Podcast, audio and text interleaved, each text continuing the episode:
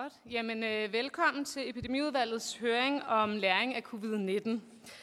Jeg hedder Monika Rubin og er udvalgets formand og ordstyrer på høringen her i dag.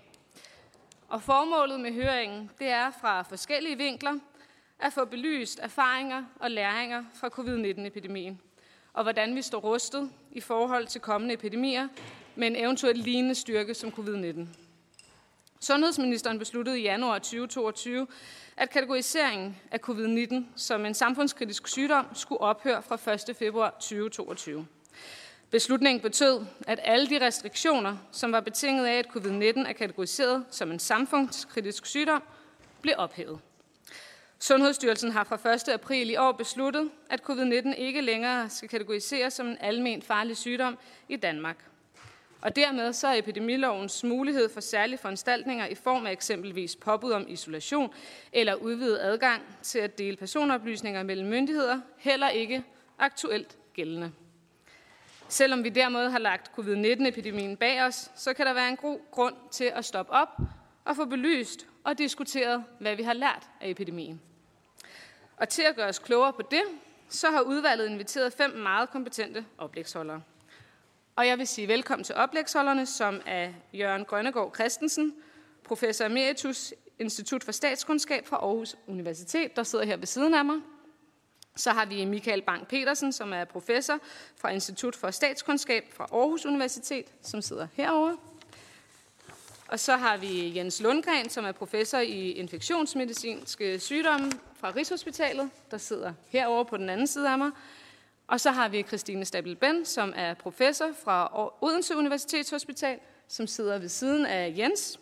Og så har vi Inge Christensen, som er direktør fra Dansk Selskab for Patientsikkerhed, som sidder nede i den blå øh, skjorte. Og inden vi går i gang, så har jeg lige et par praktiske oplysninger. Høringen den bliver optaget og vist inde på Folketingets hjemmeside og på Folketingets tv-kanal. Og PowerPoint-præsentationer fra oplæggene de vil blive lagt ud på udvalgets hjemmeside senere i øh, dag eller i morgen, så udvalget kan tilgå dem. Vi har afsat to timer til høringen, og vi kommer altså til at køre høringen uden pause. For det her med at gå ind og ud for os alle sammen, det kommer til at kræve for meget tid. Så hvis det er, at man lige skal en tur ud på det lille hus, så lister man bare ud. Øh, ja. Oplæggene de skal holdes inden for maksimalt 10 minutter, så der bliver generelt god tid til spørgsmål og diskussion senere. Jeg vil helst gerne have, at alle oplæggene kører igennem, men vi afsætter lige tid til en til to korte spørgsmål fra udvalget af afklarende karakter efter hvert oplæg, og så til sidst så tager vi generelle spørgsmål fra udvalget til oplægsholderne. Og hvis der der bliver tid til sidst, så kan der også være tid til et par spørgsmål fra salen. Ja, Øh, godt. Jamen, øh, første oplægsholder, det er Jørgen Grønnegård, som er fra Aarhus Universitet. Og Jørgen Grønnegård øh, vil med sit oplæg komme ind på, hvordan det politisk-administrative system har fungeret under covid-19-forløbet. Og ja. du har som sagt 10 minutter til oplægget. Ja, Værsgo. Forstået. Ja, øh, tak for invitationen, og tak for invitationen, og også tak for det gode initiativ. Det er en rigtig fornuftig ting her øh, to til tre år efter begivenhederne øh, udfoldede sig, at forsøge at drage erfaringer og sætte det øh, til diskussion. Den vinkel, jeg lægger på covid-19-forløbet, er utrolig snæver. Jeg fokuserer udelukkende på, hvordan de centrale politiske institutioner og hvordan øh, centraladministrationen øh, fungerede i krisesammenhængen. Det er yderligere snævert forstået på den måde, at jeg afgrænser mig til det, jeg vil kalde den akutte, øh, den akutte kriseperiode, som var vinteren foråret 2020. Det, der fulgte efter, havde en anden karakter, hvor man kan sige, at der gik krisehåndteringen over i et spor, som langt mere minder om nogle driftsmæssige administrative problemstillinger end om øh, en akut øh, krisehåndtering. Og hvis vi ser på erfaringerne øh, fra vinteren, foråret 2020, ja, så kan man for det første som noget positivt konstatere, at regeringen og centraladministrationen viste, at de havde en meget stærk tilpasningsevne. Øh, der er det forhold knyttet øh, til den konstatering, at det tog lidt tid, inden man kom til den erkendelse, at en øh, epidemi og en pandemi var under opsejling. Men da den erkendelse når frem til de centrale beslutningsinstanser, der er man altså i stand til ikke alene at handle og beslutte meget hurtigt, men man er også i stand til at omlægge arbejdsgangene i regeringen og i centrale centraladministrationen, øh, så man får en meget høj grad af samordning af indsatsen. Og det skete på to forskellige måder. Det skete for det første øh, ved, at man omkring den 1. marts øh, 2020 fik etableret den såkaldte AC-gruppe, som var koordinationsknudepunktet øh, for forberedelsen af indsatsen øh, på det centrale administrative, og man kunne sige i videre forstand, forstand det statsadministrative niveau. Det var også sådan, at den permanente øh, kriseorganisation, som er bygget op omkring den nationale øh, operative øh, stab, jamen den viste sig meget hurtigt ikke at være en hensigtsmæssig ramme øh, for håndteringen af så vidtspændende og en øh, så langvarig øh, krise, som den man stod overfor med covid-19, og man etablerede så den såkaldte Nost Plus-gruppe, og det viste sig også for det første at kunne lade sig gøre, og for det andet at det kunne bringes til at øh, fungere. Det handlede selvfølgelig ikke om koordination alene. Det handlede også om, hvorvidt man i ministerierne og de styrelser, øh, der var berørt af det, var i stand til at mobilisere kapacitet, og også i stand til at levere et grundlag for de beslutninger, der blev truffet øh, på politisk niveau. Og også på det punkt øh, øh må man som udgangspunkt anlægge en positiv vurdering, for i de ministerier, der var mest, og de styrelser, der var mest berørt af covid covid-19-forløbet, jamen der var man faktisk i stand til i løbet af månederne eller ugerne fra øh, 1. Marts, slutningen af, februar og frem til slutningen af foråret, at præstere en øh, øh, øh ganske øh, utrolig arbejdsindsats. Og det gælder både, og til her i epidemiudvalget, jamen der er opmærksomheden jo primært rettet på det sundhedsmæssige og folkesundhedsmæssige, men det hører jo med til historien, at der parallelt med håndteringen af den sundhedsmæssige krise, der var der også en håndtering af de risici af økonomisk art, som fulgte øh, med øh, covid-19. Og det, jeg har sagt her, det gælder altså også øh, på det punkt. Det var det positive. Men så er der altså også en anden side af det, øh, som må give anledning til øh, kritisk eftertanke. Fordi øh, det ene, øh, det er, og det har jeg allerede berørt med et øh, par, øh, par ord. Der var altså en træhed i beslutningsprocessen. Øh, processen. Det tog ret lang tid fra man fik kendskab til øh, covid-19, øh, til man gik til sådan mere aktive beslutninger, som havde praktiske konsekvenser for den måde, øh, som øh, blandt andet sundhedsvæsenet øh, fungerede på i øh, krisesammenhæng. Så der var en problemstilling øh, der, som knyttede sig til, hvor hurtigt var man i stand til eller, øh, at øh, øh, Øh, skride øh, til øh, handling. Det var ikke noget specifikt dansk problem, for det gjorde sig også gældende i andre lande, og Danmark var faktisk et af de lande, der hurtigst var ude af hullerne. Men så var der flere ting øh, i det, øh, som også giver anledning til øh, kritisk eftertanke. Det ene er, at vi fik en ekstremt høj centralisering. Formentlig en øh, så stærk centralisering af beslutningsgangene i regeringen og øh, øh, centraladministrationen, som vi aldrig har set tidligere. Og en følgekonsekvens af det var også, at Folketinget blev placeret, kan man sige, i hvert fald til en start, i en position, hvor det havde meget vanskeligt ved at øh, løse sine opgaver, dels som lovgiver og øh, dels som øh, parlamentarisk kontrolinstans. Og så fik man nogle ekstremt pressede beslutningsprocesser, øh, som følger af den måde, tingene var tilrettelagt øh, på. Der øh, hvis vi går lidt længere øh, ned i det, altså set i mit øh, politiske og administrative perspektiv, øh, så skal man holde fast i, at øh, øh pandemien, den var altså omkæret af en ekstremt høj grad af uvidshed. Og det galt i situationen, hvor man erkender, at der er et problem undervejs, og det galt altså også i de der øh, tidlige uger af, af krisehåndtering. Det skal man huske på hele tiden, at man havde at gøre med et fænomen, som ingen, selv dem, der arbejder på feltet, øh, øh, øh, havde øh, et tilstrækkeligt kendskab til. Øh, det, det, øh, det er udgangspunktet.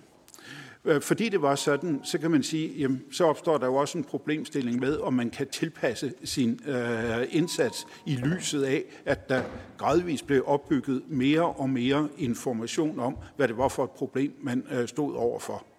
Og øh, ser vi tilbage på forløbet der i foråret 2020, jamen, så kan man se, at det hjalp ganske gevaldigt øh, på evnen til at tilpasse sig, øh, når der var forhold, som tiltrak sig en høj grad af politisk opmærksomhed.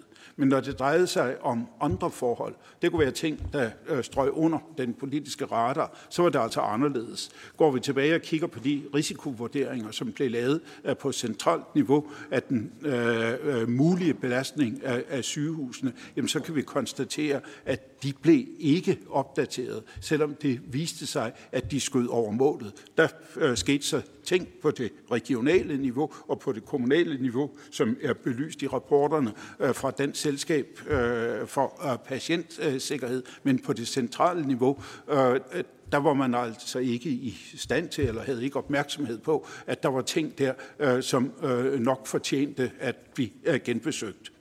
Så var der også andre ting. Altså, hvis I husker tilbage til situationen i øh, begyndelsen af marts øh, 2020, jamen, så var det jo sådan, at der manglede øh, øh værnemidler, der manglede øh, testkit øh, rundt omkring i øh, sundhedsvæsenet. Og det kan helt forståeligt anledning til en del øh, kritisk øh, diskussion. Man beslutter sig i en dansk sammenhæng at etablere en meget omfattende øh, testindsats, øh, og det blev øh, organiseret og skaleret på et meget spinkelt øh, grundlag, og ikke rigtigt undervejs i det lange forløb øh, kritisk vurderet, om det nu var en fornuftig måde at gøre det på. Og sammenligner vi med andre lande, jamen, så kan man konstatere, at Danmark nok havde det mest udbyggede testsystem overhovedet, øh, samtidig med, at der kan være en vis usikkerhed med hensyn til, om det nu var en øh, fornuftig anvendelse af de knappe ressourcer, der, øh, der var i øh, sundhedsvæsenet. Og så er der en sidste ting, som skal øh, frem. Ja, det er, at øh, i sådan en krisesituation, jamen, der er det svært at etablere et solidt beslutningsgrundlag. Øh, det er også svært at øh, lægge beslutningerne frem på et, altså det, man kunne kalde et oplyst grundlag. Og det galt i meget høj grad, og det kan man forstå og forklare i den indledende fase, men det var jo altså så et, en problemstilling, som kørte videre, øh, da vi når længere frem i øh, forløbet. Hvis vi så ser på, hvilke erfaringer man har draget, om der er sket en form for læring undervejs, så kan man konstatere, at det er der. Og det har i allerhøjeste grad været en øh, politisk øh, initieret læring.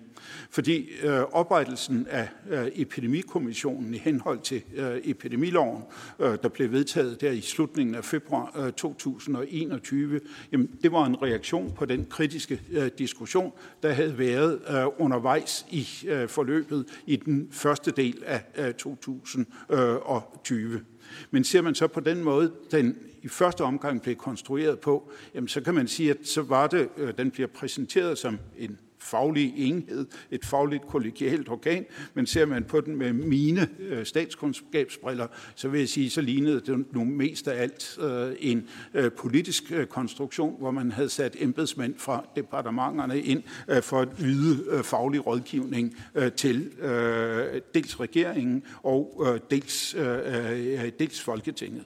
Der er så sket det igen, og det følger igen af den politiske diskussion, der var omkring det her, at procedurerne jamen, de er blevet rettet op, så der nu er etableret i hvert fald en større sikkerhed for, at man får et øh, sundhedsfagligt input øh, til de beslutninger, der øh, skal træffes på det område her. Og der er også øh, skabt en høj grad af sikkerhed for åbenhed om den øh, rådgivning, øh, der bliver leveret øh, gennem epi, øh, epidemikommissionen. Det er stadigvæk sådan, at det har ikke ført til ændringer af loven, og man kan diskutere, øh, om øh, den ikke trængte til, eller kunne trænge til en opdatering. Så var det også sådan øh, tilbage til marts-april øh, 2020, at der var der en hastig, men dog kritisk diskussion af de mange bemyndigelser, der var lagt ind øh, i, øh, epidemi, i den nye epidemilov. Og, og øh, det vagte rigtig meget kritik og rigtig meget diskussion, uden at der i den fase kom noget ud af det. Men i forbindelse med den, kan vi sige, lidt mere langsigtet revision af epidemiloven i øh, februar 2021, jamen der fik man jo så et, lagt op til etablering af epidemiudvalget og fik også skabt øh, nogle procedurer øh, for inddragelse af Folketinget, når det gælder udnyttelsen af de der ekstremt mange og ekstremt vidtgående bemyndigelser, som sundhedsministeren har øh, i henhold til loven. Så der er helt klart draget en øh, øh, læring, men man skal forstå, at den læring, den er i høj grad kommet øh, som følge eller som reaktion på den kritiske diskussion, der har været blandt andet i øh, Folketinget. Det kunne så, det jeg har sagt til sidst her, det kunne lyde som om, at øh, så er der ikke nogen problemer, så er vi sikret for fremtiden. Og det mener jeg bestemt ikke, øh, øh, øh vi øh, er. Og der skal vi igen tilbage til vinteren øh, 2020, fordi det, der karakteriserede starten på covid-19, det var jo, at der opstod en situation, som man ikke havde været øh, i øh, øh tidligere. Og øh, det forklarer i høj grad den langsomlighed, der var i hvert fald i Øh, øh, øh, reaktionen i den allertidligste fase. Og det rejser jo spørgsmålet om, hvordan forbereder man sig på det næste. Og der er folk, der hele vejen igennem har sagt, jamen så må vi have en meget omfattende og en meget stærk beredskabsorganisation. Og øh, det er jeg ikke så sikker på er rigtigt, og jeg støtter mig øh, til den litteratur, øh, vi har inden for mit eget øh, fagområde, og har taget et par citater med her. Det ene det er en helt frisk amerikansk uh, bog, skrevet af to amerikanske, øh, amerikanske øh, politologer, som beskæftiger sig med noget helt andet, men de siger, det at opdage en sand øh, krise, det er altså noget, man først gør og efterfølgende. Og det var præcis det, der skete i øh, øh februar øh, 2020. Og det andet, det er som en citat fra en øh, britisk øh, departementschef, øh, som har udgivet en, øh, eller skrevet en bog om øh, ledelse og sine erfaringer som leder i den britiske offentlige sektor. Og han siger, øh, eller skriver, øh, at det jeg fandt ud af, ja, det var, at når krisen øh, rammer, så må man smide alt andet til øh, side, og så øh, overføre ressourcer øh, fra mindre vigtige øh, opgaver. Øh, det er det, det handler om. Det er det, man kan gøre. Det, der har betydning, øh, når alting øh, skifter, jamen det er, at man har fantasi og nysgerrighed øh, til at finde ud af, jamen, hvad det er for en situation, der står, man står i, og hvordan man kan gribe øh, det an. Og der er en masse anden litteratur øh, omkring det der, som man kan blive klog af, øh, hvis man går ind i overvejelser, og skeptisk af, hvis man går ind i overvejelser om at bygge en øh, øh, øh anderledes organisation op, end den vi havde øh, på det øh, centrale niveau. Så min konklusion, øh, det er, at øh, man med henvisning til covid-19, jamen der vil det være uklogt at bevæge sig i retning af at etablere en meget stor omfattende og permanent beredskabs- og organisation. Det handler om at have en fleksibel organisation. Det havde vi. Det handler om at have nogle fornuftige procedurer, som kan justeres hen ad vejen. Det havde vi til dels, og vi har i højere grad øh, fået det. Og så handler det altså om åbenhed, som sikrer kontrol også fremmer eller tilskynder til øh, selvrensagelse blandt dem, øh, der træffer beslutningerne. Og det havde vi jo ikke helt, øh, hvis vi går tilbage, eller går øh, to til tre år tilbage. Ja, det var mine ord. Mange tak. Og det læser jo rigtig fint op af det, som vi taler om i dag, det er nemlig læring af covid-19. Jeg skal høre, om udvalget har nogle afklarende spørgsmål. Ja, Kirsten? Jamen tak for det, og, øhm, Også tak for indsatsen undervejs. Altså, jeg synes selv, at, at den der situation, vi stod i, hvor at, øh, det viste sig, at vi ikke havde et beredskab, der var tilstrækkeligt til at værne personalet på sygehusene og andre steder, var en, en, noget af en øjenåbner. Øh, at, at det her beredskab ikke var der øh, fra starten af. Så, så spørgsmålet går egentlig på din sidste planche. Øh, for, for, for ser du for dig med dine statskundskabsøjne, at øh, den organisation, som vi har i dag med en en central forvaltning, som jo er meget ressortopdelt og med meget decentrale enheder øh, i, i sundhedssektoren generelt, at vi så er gearet til at løse en eventuel øh, krisesituation en anden gang? Eller skal vi også møblere rundt øh, på, på måden, vi tænker øh, fleksibilitet på, tværfaglighed på øh, i, i tide, så vi undgår at komme til at stå i den her situation igen?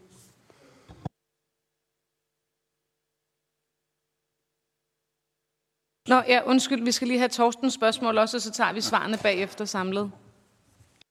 Tak for det, og, øh, og, og tak for, øh, for oplægget. Jeg skal, det kan godt være, at det er lidt ledende øh, spørgsmål, øh, men bare for lige, om du vil uddybe det, du siger med sammensætning af epidemikommissionen, med de her øh, 11 medlemmer, som jo er departementchef og direktør og alt muligt.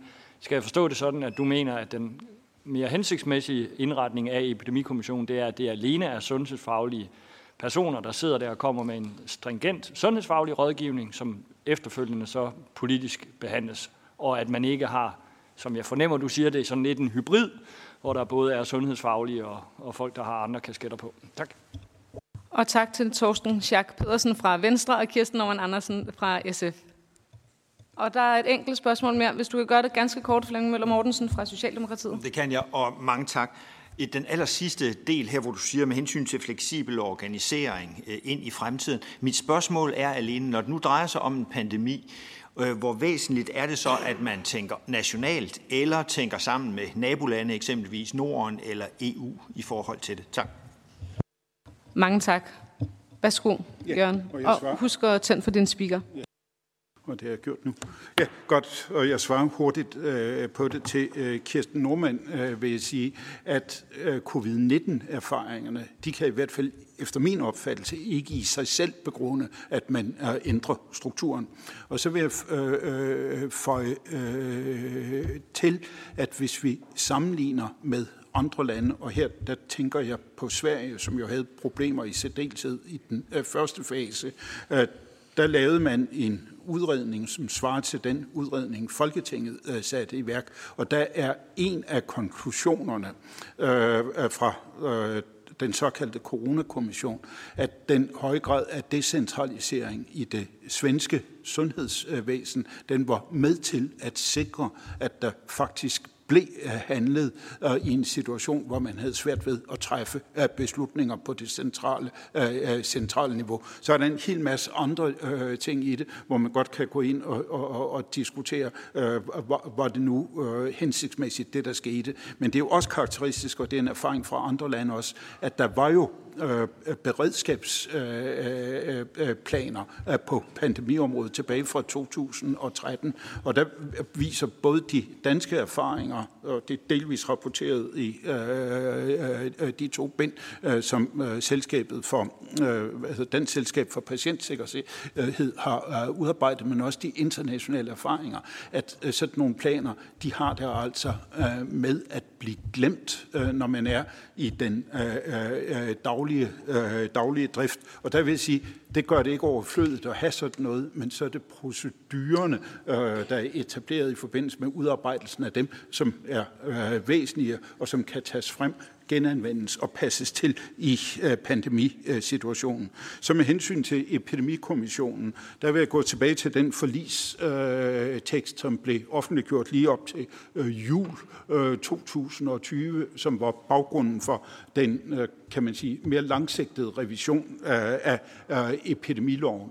Og der var epidemikommissionen, som jeg husker det, øh, beskrevet som et øh, fagkyndigt, øh, fagkyndigt organ, Da vi så får lovforslaget i løbet af vinteren 2020, så viser det sig, at epidemikommissionen bliver sammensat af embedsmænd, departementchefer med stedfortrædere, plus embedsmænd fra de kommunale organisationer, og der var ikke en direkte repræsentation af hverken sundhedsfaglig øh, eller øh, anden, øh, anden faglig sagkundskab. Og der skal man så også huske på, at det her, det handler jo, og det viste erfaring også, det handler jo ikke kun om sundhedsfaglig, øh, sundhedsfaglig sagkundskab. Det kunne for eksempel også handle om juridisk sagkundskab, fordi der opstod nogle meget alvorlige juridiske problemer i forbindelse med håndteringen af krisen og den lovgivning, øh, der, øh, øh, der fulgte. Og med hensyn til Flem, eller øh, som svar til Flemming Møller Mortensen, der vil sige, at jeg anser det for helt væsentligt, at der er et internationalt samarbejde og informationsudveksling mellem landene, fordi øh, i en situation som den her, fordi med sådan lidt tidsforskydninger, jamen, så var det de samme problemer, man stod overfor. Det skete så delvis i en EU-sammenhæng og delvis på øh, øh, øh, et ad hoc-grundlag i det de danske myndigheder. Det var en af de ting, der også øh, udmærk, øh, eller jo, øh, faktisk positivt øh, udmærket øh, den måde, man tilrettelagde arbejdet på, at man indhentede systematisk fra de øh, danske myndigheders side øh, erfaringer fra andre lande efterhånden, som krisen udviklede sig. Ja, og mange tak for svarene. Ja, det er rigtigt. Og så vil jeg gerne give ordet til professor Michael Bang-Petersen fra Aarhus Universitet, som vil tale ud fra overskriften Betydningen af tillid under en krise. Mange tak for det. Øhm, jeg er også fra statskundskab, og mit fokus er i højere grad på krisen fra en øh, adfærdsmæssig og kommunikationsmæssig øh, vinkel. Øh, til at starte med et par deklareringer. Øh, jeg har ledet forskningsprojektet HOPE, som er øh, finansieret af Carlsbergfondet. Jeg er medlem af Sundhedsstyrelsens vaccinationsråd og har også ageret som uafhængig faglig ekspert i Epidemikommissionen. De forskningsresultater, som jeg holder oplæg på baggrund af, de er alle sammen bagerst i slidesættet. En af de ting, som er blevet meget klart forskningsmæssigt øh, under coronapandemien, det er, hvor væsentlig øh, tillid i et samfund er. Vi ved øh, fra forskningen, at borgere i lande med højere tillid, de ændrede i højere grad adfærd øh, under øh, nedlukningerne, og øh, det reducerede antallet af infektioner. Vi ved, at borgere i lande med højere tillid, de var mere villige til at tage imod vaccinen mod covid-19, og vi ved, at øh, fra blandt andet et studie publiceret i øh, The Lancet, at øh, lande med høj tillid, øh, de øh, havde færre infektioner med covid-19. Og en af de lidt øh, pudsige ting set fra et dansk perspektiv, det er, at de i denne her artikel, så bruger de øh, Danmark som øh, sådan øh, benchline og siger, jamen hvad hvis alle verdens lande så ud som Danmark? Og så konkluderer de, at hvis alle borgere i verden havde samme sociale tillid som danskerne, altså samme tillid til deres medborgere, så ville 40 procent færre være smittet på globalt plan. Man skal nok tage det præcise procenttal med, øh, med et vist forbehold, men det øh, viser noget om, hvor voldsomt stor betydning tillid har i en krise af denne her karakter, hvor man i fællesskab skal producere løsninger. På den måde så tror jeg, det er ret væsentligt, at vi fremadrettet øh, i forhold til sundhedskriser, men også mere generelt set i kriser, tænker på fraværet af tillid som en risikofaktor, som vi skal håndtere. Og derfor så bør et eksplicit øh, pejlemærke under kriser, det bør være, hvordan man fastholder øh, tilliden til beslutningstagerne, men også til borgerne, øh, også borgerne imellem. Det jeg vil gøre nu, det er, at jeg vil pege på fire øh, ting, som øh, vi ved, baseret på forskning under pandemien, øh, er vigtigt for fastholdelsen af øh, tillid. Øh, fordi det er svært at bygge tillid, når man først er i gang, Øh, med krisen, så det handler om ligesom ikke at miste det, man allerede har vundet i fredstid. En af de helt centrale ting, det er øh, åbenhed og transparens i kommunikationen. Vi ved øh, fra både dansk og international forskning, at transparens øh, i den måde, man kommunikerer fra myndighederne øh, til borgerne på, øh, at det øger borgernes tillid. Og det gælder også, når denne her kommunikation fremlægger øh, usikkerhed i beslutningsgrundlaget, og når den fremlægger negative forhold eksempelvis såsom bivirkninger øh, ved øh, vacciner. Man kan sige, at de negative forhold kan umiddelbart skabe en bekymring hos borgerne, men de er med til at fastholde den langsigtede ressource til afsenderen, nemlig øh, tillid. Hvis vi kigger på, hvordan de danske borgere øh, oplevede øh, kommunikationen, jamen så overordnet set, så har de oplevet, at de var øh, velinformeret under pandemien. Men jeg mener, der er indikationer på, at transparensen i det danske beredskab kan øh, øges. Her, der var eksempelvis en evaluering af de skandinaviske sundhedsmyndigheder, øh, som, øh, som fremhæver, at de norske øh, myndigheder var bedre end de danske og de svenske myndigheder til at kommunikere usikkerhed og præsentere den usikkerhed, der lå i de faglige beslutninger. Vi ved også fra, øh, fra Danmark, at eksempelvis der var et øh, afslag på agtindsigt øh, fra øh, pressen tidligt i ep- øh, epidemien øh, med, med henvisning til, at man øh, tænkte, at, at øh, åbenhed omkring det, øh, det ville skabe uro og panik. Det var noget, som øh, ombudsmanden gik ind og påtalte efterfølgende. Men grund til, at jeg tænker, at der øh, eller grund til, at der er øh, grund til at trække det frem, det er, at denne her idé om at modvirke uro og panik er et centralt princip i beredskabskommunikation, og derfor så er det relevant at se på, hvordan er det det princip rent faktisk strukturerer øh, beslutningerne under en krise. Så øh, den første øh, læring, vil jeg sige, det er, at man skal investere i en infrastruktur, altså øh, måder, hvorpå man kan dele, hvornår man kan dele osv., og en kultur, der fremmer transparens i kommunikationen. Det andet, det er, at for at opretholde den tillid, der er, så er det vigtigt, hvordan man går i dialoger med miljøer med øh, lav tillid. Og der er forskningsmæssigt belæg, vil jeg sige, for at, øh, at myndighederne også i Danmark havde svært ved øh, dialogen med øh, personer, som havde lavere øh, tillid. En af, en af de indikatorer, eller en af de ting, som hænger sammen med lav tillid til myndighederne, det er eksempelvis, at man ikke har taget imod øh, covid-19-vaccinen. Øh, og forskningen viser, at personer, der ikke øh, var, øh, eller er vaccineret mod covid-19, at de har oplevet sig diskrimineret og presset under pandemien. Øh, min egen forskning viser, at personer, som er vaccineret, de har haft ekskluderende holdninger mod personer, der ikke er vaccineret mod covid-19, eksempelvis ikke ønsker at indgå i familierelationer med dem. Og øh, vores egen forskning tyder også på, at øh, pressemøderne de har øget øh, uvaccinerede øh, personers mistillid til håndteringen.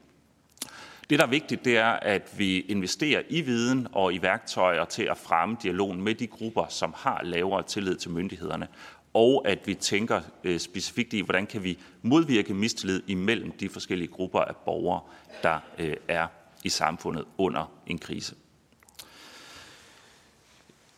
Et, et tredje læringspunkt, øh, det er, at det er væsentligt at tænke i et bredt sæt af styringsparametre, når man står i en krise. Øh, under en epidemi kan man ikke alene styre efter øh, smitten.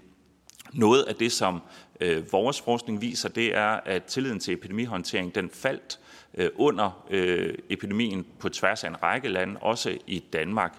Øh, og det skete som følge af de øh, psykosociale omkostninger, som er ved nedlukningerne, eksempelvis oplevelsen af ensomhed, oplevelsen af, at man fik frataget sin, øh, sin kontrol over sit øh, liv. Og den tillid fandt særligt blandt de grupper, som oplevede de her omkostninger stærkest. Øh, en, en måde at, øh, at, at bruge det aktivt i øh, krisehåndteringen, det øh, øh, lancerede blandt andet den faglige øh, referencegruppe, som, som jeg og øh, Jens Lundgren har øh, siddet i, hvor vi lancerede en rapport, som sagde, at man bliver nødt til at have fire forskellige pejlemærker, øh, når man skal tage beslutninger omkring indførelsen og, øh, og øh, og øh, indførelsen af restriktioner og øh, genåbninger. Det er selvfølgelig smitte, og det er selvfølgelig økonomi, men det er også faktorer så som trivsel, det er øh, faktorer så som øh, de frihedsrettigheder, man har som borger i et samfund. Og derfor så er det nødvendigt, at man organiserer en håndtering som en, en eksplicit balanceakt mellem en lang række af forskellige styringsparametre, som ikke alene kan handle om smitten. I sidste ende så er det en politisk øh, beslutning, hvordan man skal øh, ligesom foretage vægtningen mellem de her parametre, men det er væsentligt, at man har fokus på dem alle i en eller anden grad. Den, den sidste øh, øh læring, øh, som jeg vil drage, den øh, følger af den tredje. Og det er, at hvis man skal have et bredt sæt af styringsparametre, så kræver det data på samtlige parametre, og det kræver viden om de parametre. Øh, og det vil sige, at man bliver nødt til at organisere epidemihåndteringen med, med uafhængig tværlig, tværfaglig ekspertise. Man kan ikke alene basere en håndtering på sundhedsfaglig ekspertise. Eksempelvis, man bliver nødt til at kunne fagne alle aspekter eller alle måder, hvorpå en epidemi påvirker øh, samfundet. Og det er ikke nok alene at inddrage ekspertise, man bliver også nødt til at have data i realtid på, hvordan går det med trivselen, hvordan, hvordan går det med støtten, hvordan går det med øh, tilliden.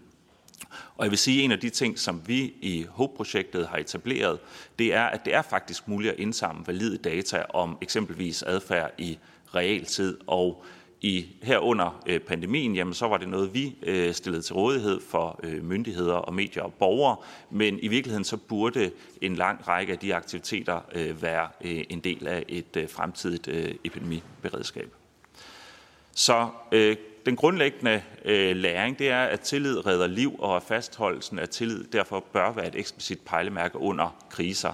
Og det kræver, at vi har en infrastruktur og en kultur, der fremmer transparens, at man får bedre viden om øh, hvordan man øh, går i dialog med grupper og miljøer, hvor der er et fravær af tillid, at man øh, balancerer de mange forskellige faktorer, som der er i eller alle de mange måder, hvorpå en epidemi påvirker et samfund, og endelig at man inddrager faglig ekspertise og data, som går på tværs af traditionelle fag. Og her har I referencerne. Tak. Og mange tak skal du have, og jeg kan se, at der er nogle enkelte spørgsmål fra udvalgets medlemmer. Øh, yes. Hvem kom først? Nå, Flemming Møller Mortensen fra ja. Socialdemokratiet. Og jeg skal bare lige gøre opmærksom på, at det skal være af afklarende karakter. Ja, mange tak. Hvor unikt var det internationalt set, det I lavede i HOPE, altså samlede data, gav viden, var med til at påvirke processen undervejs. Var det unikt, eller var det alment øh, i, i de lande, vi normalt sammenligner med? Ja, tak. Og så øh, Peter Velbelund fra Enhedslisten.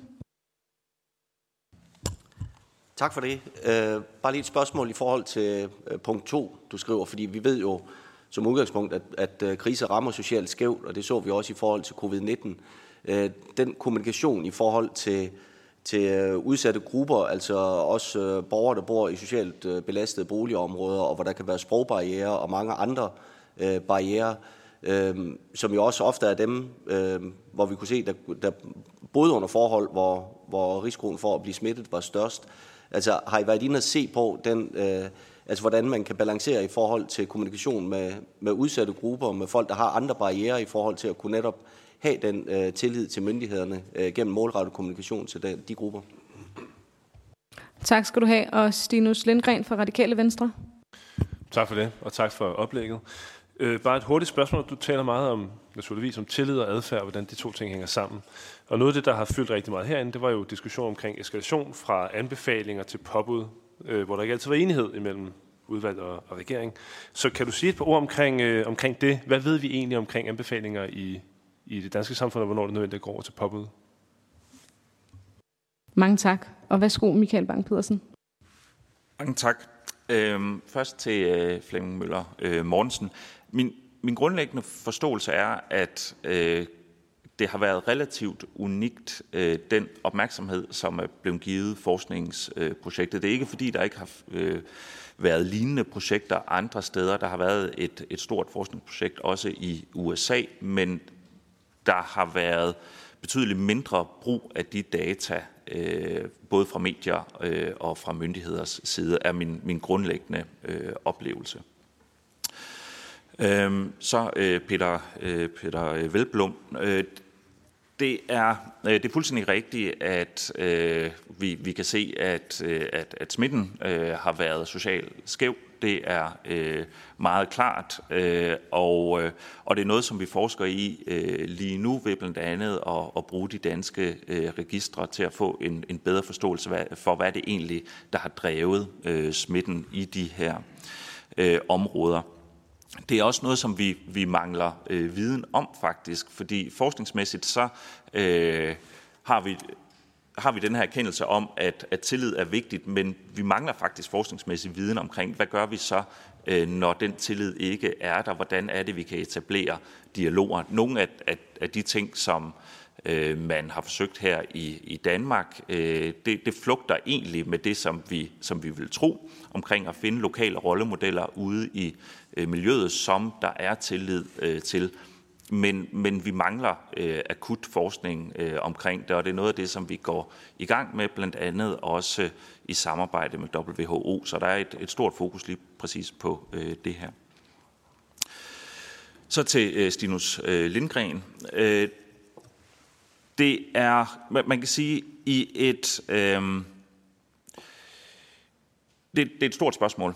Øh, det, som vi, det, som vi ved, det er, at øh, det kan være temmelig svært at styre igennem påbud, ikke mindst når det øh, drejer sig om adfærd, som i høj grad er privat øh, karakter.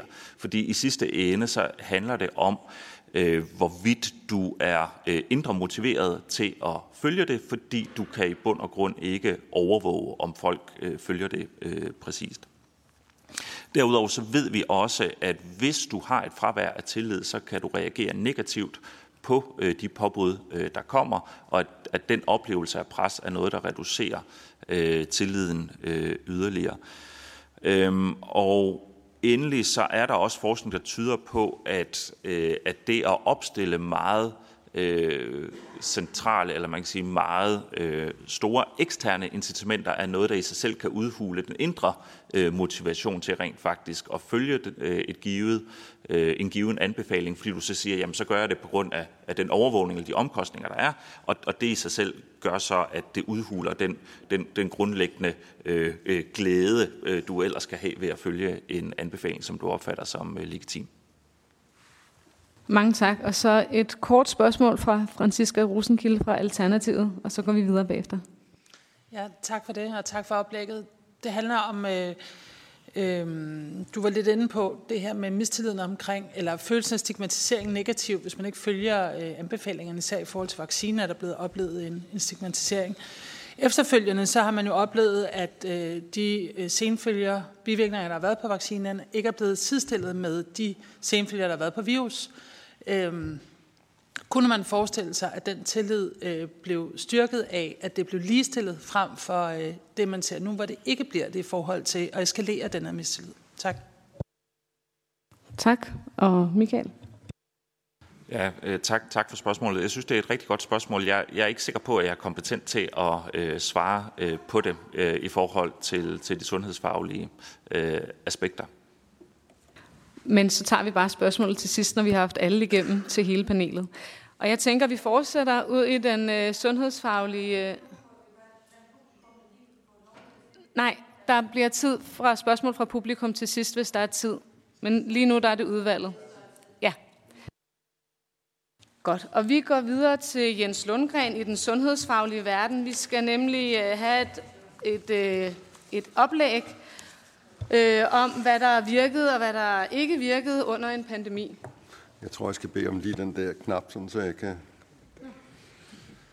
Ja, og tak for indbydelsen. Og, øhm, øh, min rolle er at øh, prøve at i rammesætte øh, som et supplement til, hvad Michael Bang har sagt, øh, ud for en strikte øh, infektionsmedicinsk øh, ekspertiserolle. Øh, øh, hvad, hvad der virker og hvad der ikke virker. Og jeg synes jo, det er vigtigt, når vi snakker omkring det her, lige for ramsat øh, øh, pandemihåndtering. Øh, øh, der, som der består dels af nogle nationale tiltag, der skal være noget infrastruktur, befolkningsadfærd og lovgivning, som der er blevet diskuteret, der skal være noget hardware, øh, værnemidler, testkits, hospitalskapacitet, respirator medicin, øh, som der skal være på plads.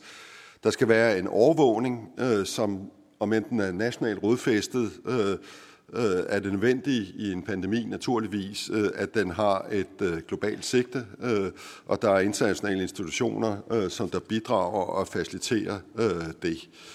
Og så det tredje øh, for at håndtere en øh, pandemi, øh, det er at udvikle effektive og sikre biomedicinske interventioner, som skal være en vi bliver nødt til at involvere industrien i det her, fordi hvad vi finder frem til er interventioner, de skal være skalerbare, Øhm, samtidig er der en problemstilling i det, fordi firmaerne ikke er garanteret en profit, øh, og i øvrigt kan der opstå øh, undervejs øh, isolerede firmainteresseproblematikker, øh, hvorfor at der er en række lande, som der derfor engagerer sig i public-private partnerships, hvor det er public-delen. Undskyld, jeg bliver afbrudt. Vi vil, vi vil gerne bede om, at tilhørende er stille, når oplægsholderne holder oplæg. Tak. Ja, øhm, tak. Øhm, og i den forbindelse, øh, for de lande, som der engagerer sig, det skal der selvfølgelig være en checks and balances på den proces, øh, som jo så udgøres af lægemiddelmyndighederne, som der godkender interventionerne, øh, og så i øvrigt myndigheder, der beslutter, om de interventioner, så er godkendt af mynd, øh, lægemiddelmyndighederne, om de faktisk er udrullet. Så i Danmark øh, var det jo øh, øh Sundhedsstyrelsen, som der stod for øh, den beslutningsproces. Øh, det er ikke fordi, jeg vil øh, fratage øh, øh, Magnus Heunicke den her graf her, men den er altså lavet i, i 60'erne øh, øh, og øh, fortæller jo, at epidemier med virus, som befolkningen ikke har immunitet overfor, er det hensigtsmæssigt, at man flader øh, bølgerne ud øh, øh, ved forskellige former for afbødning, som der er en profil af, øh, af tiltag, som vi ved, som der har til formål at reducere og udjævne den alvorlighed, som der ellers ville blive skabt, øh, så fremt at man ikke øh, laver de interventioner. Det er vigtigt at sige, at videnskabeligt set er intensiteten ikke prædefineret, øh, men der er en forventning om, at der er en proportionalitet med alvorligheden. Øh, Og men man kan jo konstatere under pandemien, at forskellige øh, lande havde forskellige grader af intensitet, kan man sige, i de afbødningsstrategier, som man valgte. Det næste, jeg gerne vil, hvis jeg lige må få det næste her, Øhm, og det kan være, at det måske er afklarende for mange. Øh, det her, det er problemet øh, ved den her coronavirus, og i øvrigt en række andre virus, men her coronavirus, øh, det er, at virus den kommer ind i vores celler, hvor den så øh, bruger vores øh, celles apparat til at lave mange flere øh, virus af. Øhm, og, og det, som der er vigtigt i den her forbindelse øh, at sige, det er, at vi ved lige præcis, hvor coronavirus og kildesel er. Øh, det er nemlig, at hvis vi kan få lavet antistoffer, det der kaldes neutraliserende antistoffer, ved vi, at de kan hindre bindingen mellem virus øh, og øh, vores celler. Det har vi kendt siden SARS i 2002-2003. Vi ved, at vi kan få de her antistoffer dannet enten ved naturlig infektion, ved en vaccination, eller i laboratoriet. Faktisk er det sådan, at i laboratoriet kan man lave det, man kalder monoklonale antistoffer. Øh, og faktisk en af de monoklonale antistoffer, vi brugte under pandemien, var faktisk udviklet fra en patient, der overlevede SARS i 2002 øh, og var gemt i laboratorierne øh, og blev øh, skaleret op. Så, og den her viden her havde vi allerede derfor i februar 2020. Øhm, øh, og man kan sige, at det, som vi så til gengæld ikke vidste, øh, det var, øh, hvordan en coronapandemi opførte sig, al den stund, at verden aldrig tidligere har haft en coronapandemi. Øhm, og, og det, der jo kunne, vi kunne konstatere, det var jo, at virus den udviklede sig. Øh, øh, og de her nye subvarianter, som jeg har hørt meget om, altså øh, i Danmark, øh, alfa, der overtog, altså den britiske variant i foråret 21, og, som der så blev erstattet af delta, øh, Øh, som jo hvad havde hver deres arnested. Alfa var udviklet i England, øh, Delta var udviklet i øh, Indien. Øh, og jo, øh, det der var karakteristisk, det var, at de ændrede sig i forhold til, øh, hvordan virus, som der er i midten, altså den, som der var øh, i Wuhan der i november øh, øh, 2019. Det, som der var ingen af os, der havde set, det var, at der faktisk øh, i det her aftræ her er til, op til til højre, øh, cirka klokken to, øh, en afstikker i foråret 2020, øh, som der inkuberede i Afrika, øh, og som der så kom frem øh, i øh, øh november øh, 21, øh, og fuldstændig udkonkurrerede de andre, øh, altså øh, Omikron. øh, Øh, og som der giver øh, genstand for en væsentlig øh, overraskelse, fordi at i modsat de andre viste omikron sig at være øh, konstrueret ved, at øh, to forskellige virus havde øh, udbyttet øh, gener med hinanden. Øh, øh, Og undervejs, efter de kom frem, øh, har den så været fortsat øh, genetisk ustabil. Der er karakteriseret over 1100 forskellige undervarianter øh, af omikron. Den forsøgte at gå via BA5 til det, der hedder BQ1. Øh, der døde den. Øh, Øh, til gengæld var BA2, den udviklede sig også til det, der hedder BA275, der udviklede sig til XBB, øh, og for 14 dage siden er den sidste variant af XBB øh, 16 øh, identificeret øh, i Asien. Øh, så virus er stadigvæk i en genetisk evolution. Det, der er problemet, det er, at hovedparten af de her mutationer, som der er sket med virus, øh, øh, de øh, øh, påvirker øh, evnen for de neutraliserende antistoffer til at binde sig. Således at forstå, at antistoffernes effekt reduceres, og derfor kræver det dannelse af nye antistoffer, der binder sig til den her muterede virus. Og det har sådan set været vaccinens store øh, problem. Det er ikke fordi, den ikke virkede, men fordi at virus i mellemtiden genetisk udviklede sig, forstået på, forstået på den måde, at den virus, som vi har nu, øh, ikke ligner den virus, som der var til at begynde med øh, særlig meget. Og det er derfor et hele tiden et catch-up for at finde ud af, øh, hvordan man skal konstruere en vaccine, som der faktisk anticiperer, hvordan virus kommer til at se ud i efter øh, man er begyndt at vaccinere befolkningen. Og der er vi ikke nu, øh, øh, og det skal man bare øh, konstatere.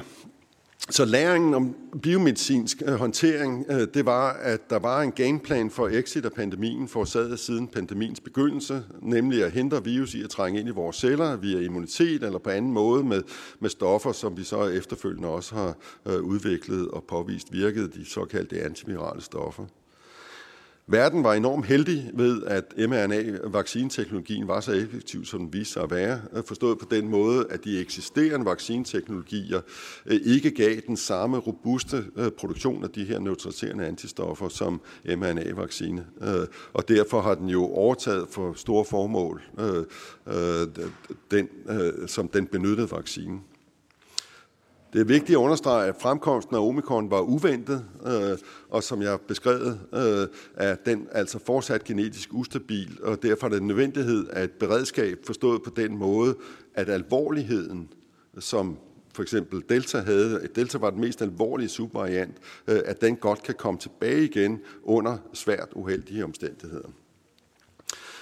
For at komme så langt, som vi er kommet så hurtigt, øh, krævede det et samordnet globalt initiativ. Det håber jeg, at øh, folk er med på. Det her det var ikke en dansk disciplin. Der var rigtig mange mennesker, som der smed alt, hvad de havde i hænderne overalt i verden, og bød ind på og var med til at, at bidrage til den hurtige øh, udvikling af effektive interventioner, som vi kan konstatere er og man må i den forbindelse sige, at lokale initiativer uden international samordning, øh, det fordrer øh, superoptimering. Så det kræver, at man internationalt øh, samarbejder. Den anden ting, som der også er helt evident, det er, at lav til middelindkomstlande fik minimal benefit af de her interventioner. Og det er et problem, øh, og som øh, I øh, formentlig ved øh, ved FN's generalforsamling sidste år, øh, var der netop lige præcis fokus på det her, øh og hvor man i den her resolution resolution øh, udtrykte nødvendigheden af at have et internationalt samordning af beredskabet fremadrettet, øh, således at forstå, at der, det, det kræver og fordrer en global forskningsmæssig samarbejde. Det er absolut nødvendigt. Øh, og som respons på det, den resolution øh, arbejdes der internationalt med en række forslag. Øh, de fleste øh, uheldigvis er fokuseret på øh, enkeltlande øh, eller regioner, øh, og det er jo så øh, dybest set det, som vi vil argumentere for mest point, øh, når det er en, en pandemi. Øh, jeg kan sige, at jeg er med i et internationalt konsortium, øh, hvor vi har øh, nu indtil videre legnet over 35 lande op på alle beboede kontinenter. Øh, vi har fået støtte fra regeringer i USA, Frankrig, Australien. Jeg håber også, at Danmark på et tidspunkt pakker op omkring det her. Øh, vi har fået bevilling for, øh, den føderale forskningsinstitution i USA, NIH, øh, øh, til at lave en teknisk platform. Øh, Frankrigs regering, Australiens regering bidrager økonomisk til den her platform også, således at vi øh, mener ved eksemplets magt, at det faktisk kan lade sig gøre at skabe øh, en global øh, sammenhængende forskningsinfrastruktur, øh, som der vil være i stand til at kunne aktivere sig, øh, så frem der skulle opstå problemer øh, fremadrettet. Det er det, øh, forsknings, øh, samarbejdsplatform, der hedder Strive, øh, som jeg er ansvarlig for globalt. Der er to ting, jeg godt lige vil slutte af med at sige. Øh, øh, der har været meget, meget diskussion omkring, hvordan øh, corona øh, smitter, øh, og øh, jeg kunne konstatere for nylig i udskrift for læger, øh, at øh, der nu er dansk konsensus om, at corona smitter via luften. Jeg har tjekket det af med mine øh, kollegaer på hospitalerne, og, og det er vi sådan set enige i. Vi mener sådan set, at konsensusen var der allerede i februar 2020, øh, forstået på den måde, at vi agerede i forhold til det øh, på hospitalerne. Øh, øh, men det er selvfølgelig godt at se, øh, at der nu er øh, en national konsensus. Jeg kan ikke undlade til slut også at komme en bemærkning øh, omkring, øh, hvor godt øh, Danmark har håndteret frontlinjepersonale. Det er meget mørkpålæggende at sige det her. Øh, det er jo selvfølgelig afgørende, at front, frontlinjepersonalet var omstillingsparat, øh, øh, især under de to første bølger. Øh, mange blev smittet på arbejde. Øh, de fleste gik det heldigvis godt for, øh, men flere tusinde udviklede længerevarende øh, sygdom. Der var en artikel øh, i Politiken her i, øh, tidligere i april måned, øh, om, som der gjorde en opgørelse af de anmeldelser af arbejdsskader, som jo personalet, som der blev smittet, blev opfordret til at anmelde som en arbejdsskade, hvad det jo i realiteten var. Og det var jo virkelig, synes jeg, øh, med en vis undren, at man kunne konstatere, øh, at der fortsat ikke er faldet det her på plads. Og jeg skal ikke blande mig i økonomi og fra og tilbage, men signalværdien til frontpersonalet omkring det her, øh, det er ikke godt. Tak. Mange tak skal du have, Jens Lundgren. Og der er et, øh, nogle enkelte spørgsmål, kan jeg se her. Flemming Møller Mortens fra Socialdemokratiet. Værsgo. Ja, mange tak, og tak for din præcisering af det her omkring det globale forskningssamarbejde, som er så nødvendigt. Mit spørgsmål der er, noget af det, vi så globalt være en kæmpe udfordring, det var, at de fattigste lande havde ikke infrastrukturen til den her type af vacciner. Er det en del af jeres arbejde, og hvordan mener du, øh, man eventuelt kan komme øh, til at tage højde for netop også de store forskelle, der er her? Tak. Og vi tager lige et spørgsmål mere fra Peter Velbelund fra Enhedslisten. Jamen, det var faktisk præcis det samme spørgsmål, så jeg trækker det. Great minds think alike. Værsgo, Jens Lundgren.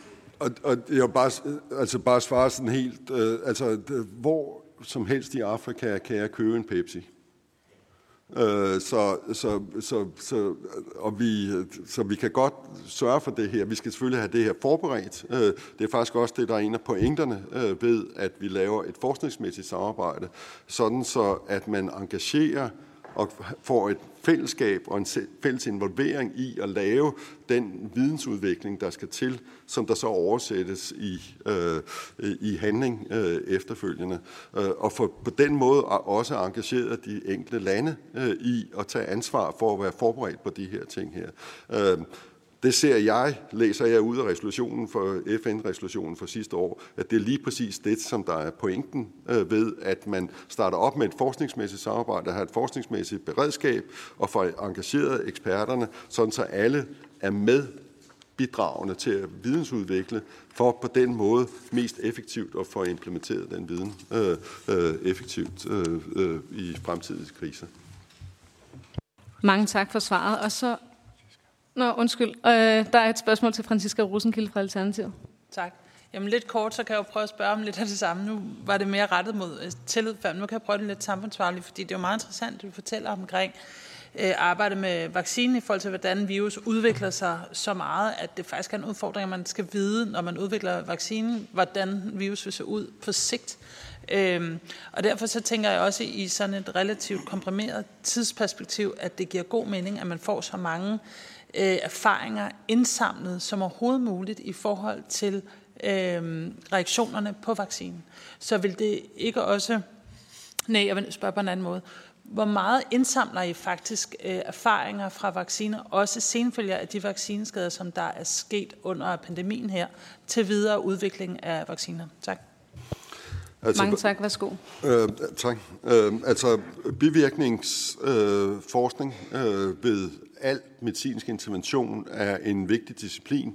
Vi har brugt 20 år på at arbejde med bivirkninger til HIV-medicin, øh, for eksempel. Øh, så det er et øh, meget øh, seriøst øh, område. Det og der er på nationalplan har der været det, der hedder en forstudie, som der har været med til Serumstudiet arbejder også med befolkningsundersøgelser for lige præcis at, øhm, at, at prøve at kvantificere øh, problemerne ved de interventioner, som vi giver i forhold til problemerne øh, ved, at hvis du ikke bruger interventionerne, øh, hvad afstedkommer så selve infektionen. Det er jo det, som jeg tænker en gang imellem, vi måske glemmer lidt i, i den her diskussion her, det er, at alt medicinsk intervention er en balance mellem øh, effekt øh, og bivirkninger, øh, og der skal være en rimelig balance i, i de to ting. Det er ikke det samme som, øh, og det er måske det, som der nogle gange bliver glemt, det er ikke det samme som, at de interventioner øh, ikke har nogen bivirkninger. Det mener jeg, at vi faktisk har været meget aktive ude at kommunikere omkring øh, gennem hele øh, forløbet. Øh, og hvis der er en sammenhæng, øh, så skal det også øh, kunne samles op øh, øh, og øh, forstås. Men indtil videre, så vidt jeg kan vurdere det sådan helt overordnet, det kræver en længere øh, præstation, hvis jeg skal ordentligt nuancere det her, øh, så har de effekter, der kommer ud af vaccinen, øh, oversteget de bivirkninger. Det er også derfor, den bliver kategoriseret, øh, vaccinerne, øh, som en sikker og effektiv øh, vaccine. Og så til sidst bare for at lige runde af omkring virus. Ja, der er et problem omkring, fordi virus den hele tiden bliver ved at udvikle sig, og skabe en vaccine, som der reelt set modvirker infektion. Det er også derfor, øh, at der var mange, som der sagde, at vaccinen virker ikke, fordi jeg har gennembrudsinfektion. Og det er selvfølgelig rigtigt, men vaccinen virker sådan set meget godt, men virus har i mellemtiden udviklet sig. Så det, det er den steriliserende immunitet, som vi har, vi er udfordret af. Men heldigvis går der tid fra, at du får smitten, og indtil du bliver eventuelt alvorligt syg. Og der kan vi se, at hvis man er vaccineret på forhånd, så når man at få lavet de her neutraliserende antistoffer i mellemtiden, sådan så dem, der er vaccineret, øh, de har en hvad der i internationale studier er ret stor konsensus omkring, øh, cirka 95 70 procents relativt mindre risiko for at blive alvorligt syge, øh, frem for dem, der er ikke vaccineret. Øh, og den effekt er faktisk fastholdt, fordi naturhistorien af covid er på den måde, at immunsystemet faktisk når at catche op, og hvis det er primet på forhånd, så kan det nå at catche op hurtigere. Så tak. der er faktisk en teknisk forklaring på det her, som der måske er røget hen over hovedet, øh, tror jeg, øh, fordi det er, en ret vigtig øh, forklaring, øh, håber jeg. Øh, øh, men, men vi kan ikke love indtil videre, at vi kan udvikle en vaccine, som der modvirker mod infektion øh, i sig selv, øh, for, på grund af de øh, forhold, som der er. Øh, og det vil først komme til at ske på det tidspunkt, hvor virus den holder op med at være så genetisk ustabil, som den fortsat er. Tak skal du have. Øh, Franziska, kan vi tage det til sidst? Er det okay? Ganske kort opfølgende, så vil jeg bare spørge dig. Øh, mener du, at der politisk er sat nok ind på systematisk og opsamle data omkring øh, erfaringerne med vaccinen og vaccineskader? Og et helt kort svar, Jens Lundgren, for vi skal videre til den næste oplæg. Altså, som forsker kan man altid bruge flere ressourcer, men, men, at sige, øh, men det, det, jeg prøver at sige, det er, det jeg forsøgte at svare dig, det var, at det her det bliver taget meget seriøst, øh, og der bliver lavet de analyser, som der øh, efter min vurdering øh, er nødvendig. Jeg vil så, men altså nu når du presser mig på det, så vil jeg også sige, det er jo sådan, når man vaccinerer store dele af befolkningen, øh, så kan der komme en problematik, der vil opstå en problematik, forstået på den måde, at befolkningen jo under alle omstændigheder, hvis de også hvis de ikke var blevet vaccineret, vil der være nogen, der udvikler forskellige former for sygdomme. Så man kan godt komme i den situation, at man oplever, at der er en tidsmæssig sammenhæng mellem at få en vaccine og udvikle et symptom, uden at det nødvendigvis er kausalt. Øh, hvis du kan huske tilbage på MFR-vaccinen øh, og øh, HPV-vaccine-problematikken, øh, øh, hvor man lavede den slutning, at fordi at man har fået en vaccine, så er det vaccinen, der er problemet. Og det er bare for at sige, det kan man ikke altid aflede af, at folk de bliver syge, efter de er vaccineret, specielt når man går ud og vaccinerer en meget, meget stor del af befolkningen. Der skal man forvente, at, at, at der fortsat er en baggrundssygdomsaktivitet, hvis jeg må sige det sådan. Mange tak. Og vi fortsætter i sundhedssporet. Vi går videre til professor Christine Stabel-Bend, som vil tale om proportionalitet og evaluering af sundhedstiltag. Værsgo. Tusind tak, og jeg kunne næsten ikke have fået et bedre oplæg til min egen præsentation, som handler rigtig meget om, hvordan vi tester vores sundhedstiltag og får evidens for, hvordan de virker. Derudover så vil mit, min præsentation og min læring her om covid-19 også fokusere på proportionalitet. Men jeg vil bare lige starte med at takke rigtig meget for invitationen til at komme her i dag og give mit perspektiv på læring fra covid-19. Og så vil jeg også sige, at jeg kommer til at sige ting, der er kritiske omkring den danske covid-19-håndtering. Men jeg vil også sige up front, at jeg faktisk synes, at vi overordnet set klarede det rigtig godt i Danmark. Der er få steder, jeg hellere ville have været end i Danmark under pandemien. Så er det lige bragt på plads. Med proportionalitet så forstår jeg, at der ikke bør anvendes mere indgribende tiltag, hvis det rent faktisk godt kan lade sig gøre og nøjes med mindre. Og jeg vil diskutere to pandemiske tilgange. Den danske, som gik ud på at nedbringe al smitte, og så en alternativ tilgang, der fokuserer på at nedbringe alvorlige infektioner. Og jeg vil argumentere for, at den mindre indgribende øh, tilgang at nedbringe alvorlige infektioner ville have været tilstrækkelig. Kort om de her to forskellige tilgange, så betyder fokus på at nedbringe al smitte, som vi praktiserede det i Danmark, at vi havde generelle nedlukninger og restriktioner hver gang virus steg. Vi havde ikke nogen speciel friholdelse af ikke-risikogrupper. Vi skældnede ikke mellem situationer med høj og lav smitteintensitet. Vi testede massivt, som vi allerede har været inde på, og vi isolerede og smitteopsporede enhver, der havde en positiv test. En alternativ tilgang med fokus på at nedbringe alvorlige infektioner handler om at have fokuseret beskyttelse omkring risikogrupper, hvilket for covid-19 vil sige folk med øh, øh, høj alder, folk med svær kronisk sygdom og svær overvægt. En sådan, et sådan fokus vil også have fokus på at styrke den generelle sundhed og immunforsvaret, og så på at nedsætte smitteintensiteten, fordi vi ved, at en høj smitteintensitet, hvis man smittes med en stor dosis virus, er associeret med et alvorligt forløb og med senfølger. Så et fokus på at nedbringe alvorlige infektioner vil have fokus på smitteintensitet og særskilt gå efter de personer, som havde høj mængde virus i deres prøve, hvilket man kunne måle med den her CT-værdi. Hvis den var under 35, så var man i en høj risiko for at smitte andre, mens de cirka 40 procent, som havde en CT-værdi over 35, havde meget lidt virus i halsen, meget lidt risiko for at smitte andre. Sportsverdenen var hurtig til at fange det her, så vi ved, at Jannik Gren hoppede på banen i håndboldkampen, selvom han var testet positiv.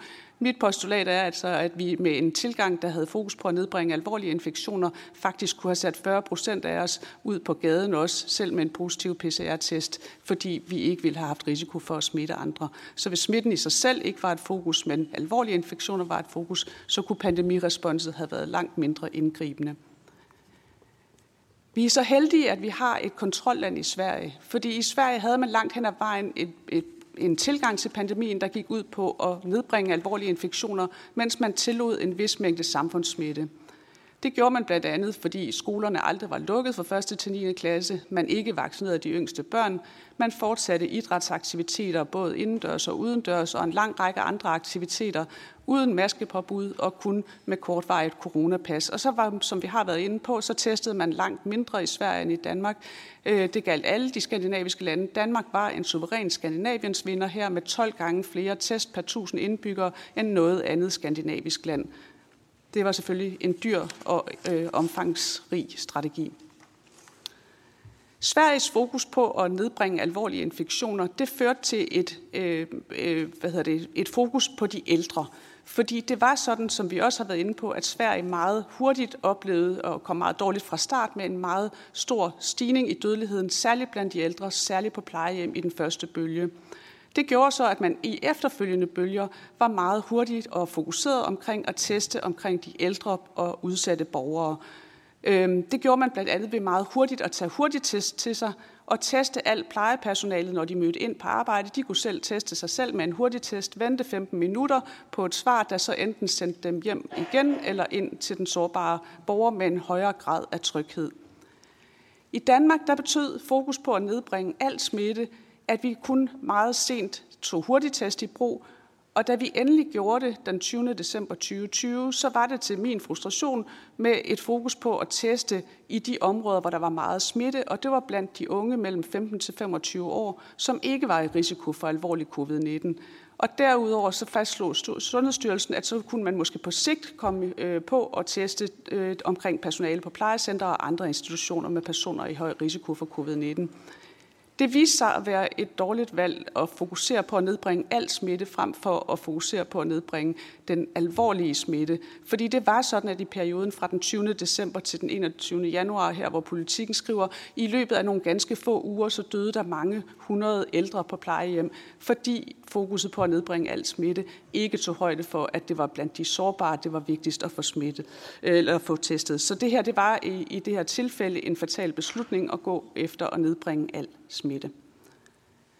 Hvis vi skal se på, hvordan de to lande overordnet set har klaret sig gennem pandemien, jamen så kan vi se, at Sverige havde en overdødelighed i 2020. Det var i meget høj grad betinget af, at man kom dårligt fra start med de her mange dødsfald blandt de ældre på plejehjem i første bølge.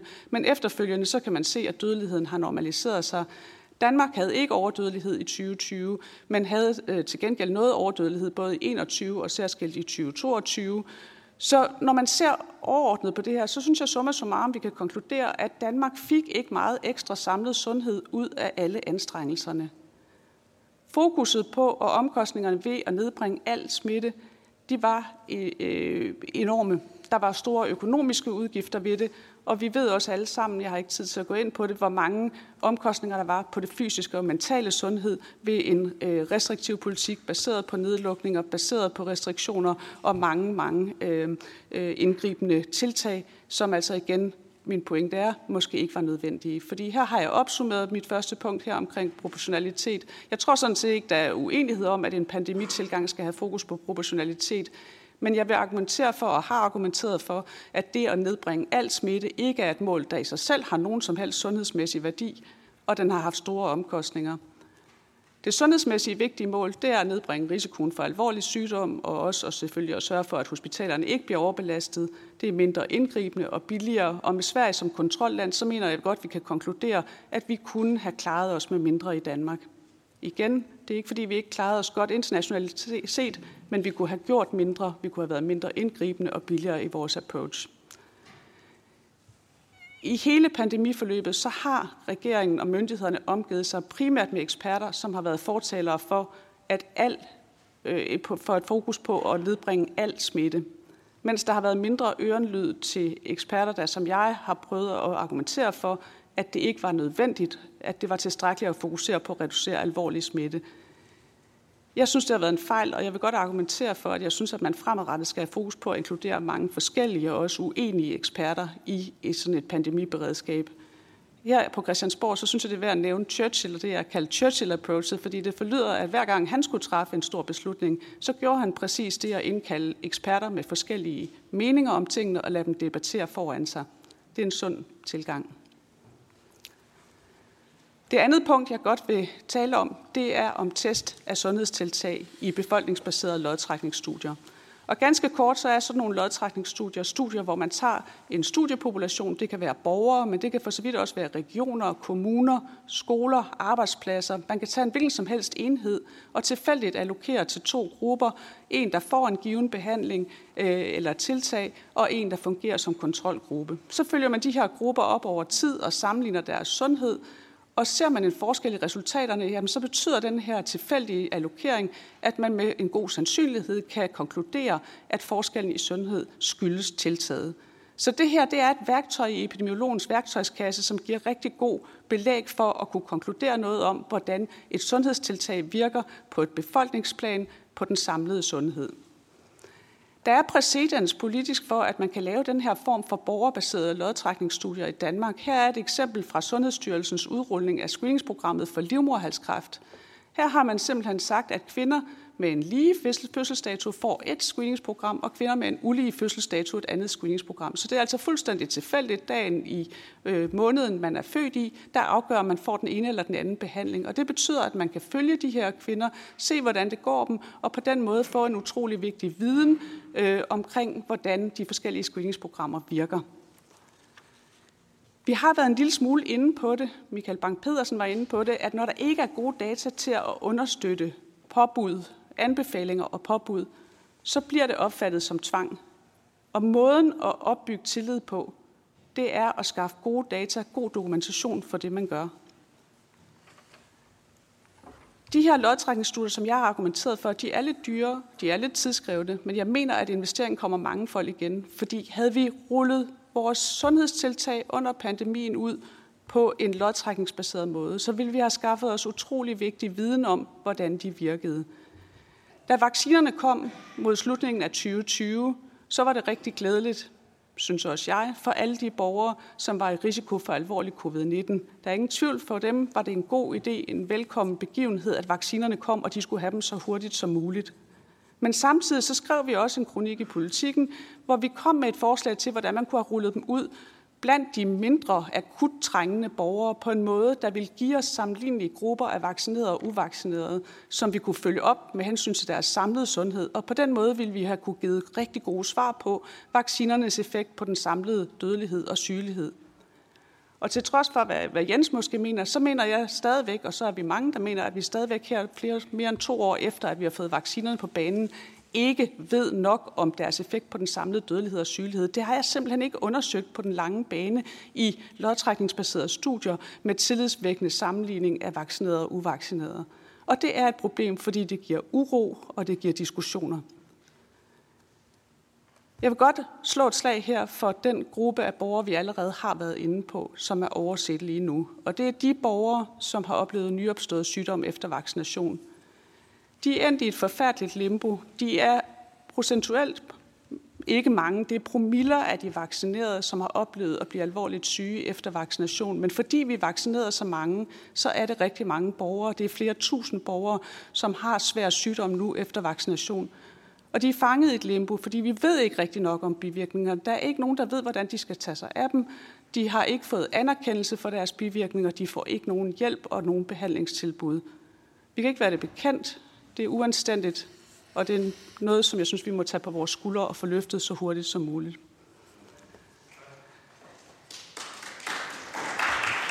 Tak.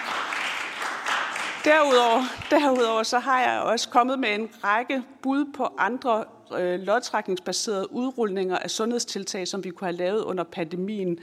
Vi kunne have testet alle de her interventioner, som jeg har listet her – og vi kunne have gjort det godt og grundigt ved hjælp af de her gode værktøjer i epidemiologens værktøjskasse, de befolkningsbaserede lodtrækningsstudier. Vi kunne have gjort det ved hjælp af de gode danske registre, og det ville have stillet os et helt andet sted i dag, fordi vi ville have haft svar på, hvordan de virkede, i hvert fald meget bedre svar.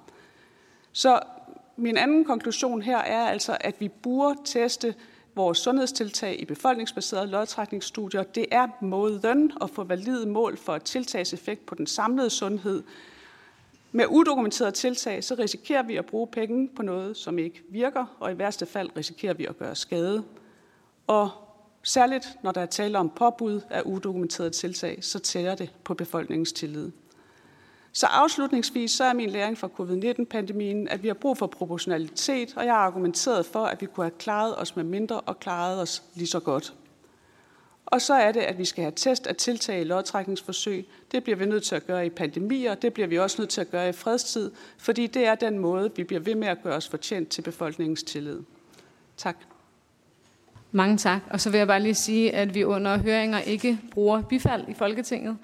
Øh, Flemming Møller Mortensen fra Socialdemokratiet, værsgo. Ja, mange tak for, øh, for, mange tak for øh, oplægget. Øhm, jeg er den opfattelse, at øh, vi var i en tid, øh, hvor alle lande følte, at det her det var force majeure. Øh, man vidste ikke, hvor man trådte frem, og derfor tænker jeg det der med at lægge elementet ind af lodtrækning, når man kigger på hele stemningen og usikkerheden i det hele taget, kan jeg bare sige, for man være lidt vanskelig. Mit spørgsmål til dig er, at øh, dine konklusioner i forhold til Danmark versus Sverige, øh, bygger det på... Øh, på baggrund af den forskning, vi nu har, altså vi har akkumuleret frem til nu, eller øh, var det en, altså retrospektivt, eller bygger det på øh, en tanke eller en forudsigelse, øh, du og eventuelt andre kolleger havde undervejs? Tak. Tak, og så har vi lige et spørgsmål fra Franziska Rosenkilde fra Alternativet. Ja, tak for oplægget. Øh, I forhold til den her gruppe, som du øh, påpeger af vaccineskadede øh, mennesker, vil øh, du mene, det var tilstrækkeligt at lave et, øh, et særtilbud, øh, hvor man opsamler de her systematiske erfaringer, lidt ligesom man gør med, øh, med mennesker, der oplever senfølger fra virus? Er det, øh, vil det være passende efter din mening? Tak. Tak. Og så et kort spørgsmål fra Stinus Lindgren fra Radikale Venstre. Værsgo. Tak for det. Tak for oplægget. Du var lidt inde på det, det her med, ja, du var meget inde på det, Danmark og Sverige. Men der var vel også, et, der skete jo et skifte i Sverige. Øh, I starten var der jo, en, som du også var lidt inde på, en ekstrem overdødelighed blandt disse ældre borgere. Er det det scenarie, du, hvad er det, du argumenterer for, at vi skulle have gjort anderledes i Danmark? Vi stod med noget, vi ikke kendte. Øhm, så prioriteten, altså hvor, hvor du, du ville have lagt vægten, hvor præcis, hvis man sad herinde? Mange tak. Og værsgo, Christine. Tusind tak for spørgsmålene. Øh, jeg ved godt, at det med lodtrækningen til Flemming Møller Mortensen er en, en, hvad skal man sige, lidt en rød klud i hovedet på nogen, men det behøver ikke at være så farligt. Det er jo simpelthen bare et spørgsmål om, at hvis ikke vi trækker lod, hvis vi bare udruller et tiltag, så er vi alle sammen forsøgspersoner under alle omstændigheder. Så, så, jeg, så rationalet er altså, at frem for at vi bare gør noget utestet på alle, så gør vi noget utestet. Vi er transparente, ærlige, som, som Michael også er inde på over for befolkningen. Vi siger, at vi ved ikke helt 100% om det her er en god idé. Så nu gør vi, vi starter ud med at gøre det blandt nogen og ikke blandt andre. Vi er erfaringsopsamler hurtigst muligt, får et billede af, om det virker eller ej. Virker det ikke, så kan vi stoppe med noget, som er unødvendigt eller uvirksomt, eller i værste tilfælde skadeligt. Virker det, så har vi gode kort på hånden til at fortsætte og også fortælle folk, at det her det er altså en god idé, fordi se her, vi havde sammenlignelige grupper, og vi kunne se, at det gik bedst, hvis vi gjorde det på den her måde. Øh, det være sagt, så, så kan jeg godt se, at det stadigvæk kan være et issue, men nogle af de ting, som jeg havde på banen her, det var jo, at man kunne nedskalere nogle af indsatserne, man allerede havde rullet ud. Altså for eksempel, så blev det jo klart det her med, at CT-værdien var ret afgørende for, om man kunne smitte eller ej. Så frem for at gøre det, vi gjorde med at teste alle og sætte alle hjem i 14 dages isolation, hvis de var positive, så kunne man forsøgsvis have stukket tåen i vandet og sagt, vi tager to af Danmarks regioner eller en håndfuld af kommunerne, og så siger vi, der følger vi ikke den her her meget restriktive politik. Der skal lære vi lidt ned, og så ser vi, hvordan det går. Og viser det sig så, at vi faktisk godt kan sætte folk på gaden, uden at det giver problemer, jamen så har der været en kolossal gevinst at hente. Jeg mener godt, at man med åben og transparent kommunikation kan forklare borgerne, hvad det er for rationaler, der kan ligge bag, at man i nogle tilfælde vil vælge at gøre to forskellige ting i to forskellige befolkningsgrupper, akkurat som vi har været tilfældet med, den, øh, øh med screeningsprogrammet for livmorhalskræft. Øhm, med hensyn til det med Danmark og Sverige, og om det sådan er en, en bagspejls øh, bagsæde konklusion eller noget, vi kunne have forudsagt, så mener jeg godt, vi kunne forudsige det. Fordi det, vi var nogen, der kunne se på forhånd, os der er eksperter i folkesundhed, det er, at de mange restriktioner også havde omkostninger på andre sundhedsområder. Fordi man er nødt til at se på det samlede billede. Og det, som vi kunne se, det var, at mange af de ting, som man gjorde i Danmark, de var meget dramatiske, og de ville, kunne man forudsige, øh, have, have store konsekvenser. Blandt andet det her med at lukke skoler. Samtidig så kunne vi også se, at virus var ikke farlig på, for børn på samme måde, som det var for ældre. Så det gav rigtig god mening allerede fra starten af at følge det svenske øh, den, den svenske tilgangsvinkel, hvor man sagde, at når børn ikke er i alvorlig risiko, når vi ved, at det har store omkostninger for børn at blive hjemme fra skole, ikke bare for børnene, men også for deres øh, familier, når vi ved, at det rammer socialt skævt, jamen så er der et rationale i at lade være med at, lave, og være så restriktiv igen med proportionaliteten for øje, hvis vi kunne have noget med mindre. Så jeg mener godt, at vi, altså, vi var en del, der allerede fra starten af pandemien var ude at sige, at vi er nødt til at med proportionaliteten for øje og, og gøre noget mindre drastisk, end vi gør her. Så det er ikke kun en efterrationalisering. Men det er klart, at hele verdens øjne var jo på Sverige. De gjorde os alle sammen en kæmpe tjeneste ved at agere kontrolgruppe i den her situation. Og, og, og der var der en frygt for, at det kunne have gået mere galt, end det gjorde. Øh, med hensyn til, til Franciscas spørgsmål omkring særtilbud, ja, så mener jeg på, øh, på, på alle måder, at det er berettet, at vi laver en form for særskilt øh, øh, erfaringsopsamling for de her. Jeg mener måske ikke, at vi skal limitere os til centre for senfølger eller centre for senfølger efter vacciner, men at vi måske skal tænke over, kan der være et samlet tilbud for folk med komplekse lidelser, hvor man opsamler. Det skal være et tværfagligt tilbud, der skal være øh, tilstedeværelse af mange forskellige medicinske eksperter øh, og, og immunologer og psykologer psykologer og alt muligt andet, som skal arbejde med at forstå og få en mere helhedsorienteret øh, tilgang til folk, der lider af de her komplekse ting, og samtidig laver forskning, så vi kan blive klogere på. Der er formentlig nogle underliggende risikofaktorer, som gør, at man i en fremtidig situation vil være bedre til på forhånd at vurdere, hvem vil få de her bivirkninger, og hvem vil ikke. Den viden skal vi have skaffet. Med hensyn til Stinus øh, spørgsmål, så, øh, hvad hedder det, så tror jeg, det handlede om det her med, om øh, om der var nogle ting, at vi kunne have gjort. Og det var lidt det samme i Sverige versus Danmark, som, som man kunne have set på forhånd. Var det sådan, det var? Værsgo, Stine, du må gerne lige opklare. Ja, altså, den svenske strategi ændrer sig jo markant over tid. Åh oh, ja, det var det. Yes, ja, altså jeg tror, at de svenskerne kom dårligt fra start. De kom dårligt fra start på grund af en øh, vinterferie, der lå placeret sådan, så i uge 9 og 10 var der rigtig mange, der var i Østrig, så der var et tårnhøjt smitteniveau i landet, før de overhovedet fik opdaget, at der var gang i noget corona der, og begyndte at få lukket ned. Øh, og samtidig så havde de også en øh, stor del. De har 70 procent flere folk med anden etnisk baggrund, end vi har i Danmark, som var meget klostret i Stockholmsområdet, hvor der også var store udbrud. Så det, man kom vældig dårligt fra start. Der er ingen, der ønsker at efterligne svenskerne. Jeg tror heller ikke, svenskerne ønsker at gøre det om igen på den måde, de kom ind i første bølge. Men efterfølgende, så synes jeg, de fik rigtig god, øh, godt greb om det. Så jeg synes jo allerede, at over sommeren og over efteråret, at vi kunne se, at de havde gang i nogle ting, der var spændende og væsentlige. Så jeg ønsker ikke en, en komplet kopi af den svenske tilgang, men jeg tror godt, vi kunne lære noget. Jeg synes, vi skal lære noget af, at når vi ser på, hvordan det samlet set er gået, så er det jo lige godt. Og det er lige godt med forskellige underliggende indgreb, med meget færre indgreb i Sverige. Det ville være tosset, tudetosset, hvis ikke vi havde et lærende system, der så på de erfaringer og sagde, at vi kunne nok have klaret os med mindre. Mange tak. Og så går vi videre til sidste oplægsholder, som er Inge Christensen, direktør fra Dansk Selskab for Patientsikkerhed. Og Inges oplæg vil tage udgangspunkt i sundhedspersonalets fortællinger i antologien Kvalitet og patientsikkerhed under covid-19. Og efter Inges oplæg, så åbner vi op for spørgsmål fra øh, udvalgets medlemmer. Værsgo, Inge. Tusind tak, øh, også fra mig for invitationen. Øh, vi har øh, en gruppe, der har lavet øh, de her bøger. Håb er ikke en strategi. Nogle er ikke et antal. Snart er ikke et tidspunkt fordi det i virkeligheden er nogle meget øh, vigtige læresætninger, og vi øh, patientsikkerhedsmæssigt, og man kan sige, at pandemien i sin øh, natur var en stor patientsikkerhedshændelse. Formålet med bogen, det var at sikre læring fra covid-19-krisen. Det var et, der var et fokus på kvalitet og patientsikkerhed, men også på øh, det samlede sundhedsvæsen. Man skal huske på, at sundhedsvæsenet oplevede det her meget kraftigt, øh, og noget af det, der også var, øh, var det, der, der gav sig udtryk i starten, det var jo billederne fra, fra Bergamo, øh, som, øh, som gjorde et voldsomt indtryk for, på, øh, på dem, der arbejder i sundhedsvæsenet. Fokus i antologien er på samarbejde, på sammenhæng og på de indbyrdes afhængigheder, som, som vi så. Øh, og så var der en begejstring, især der i, øh, i sommeren 2020. Jeg kom tilbage til, at der er noget af det, der, der er falmet siden, kan man sige, men omkring, hvad der kunne lade sig gøre. Der var utrolig mange ting, der kunne lade sig gøre.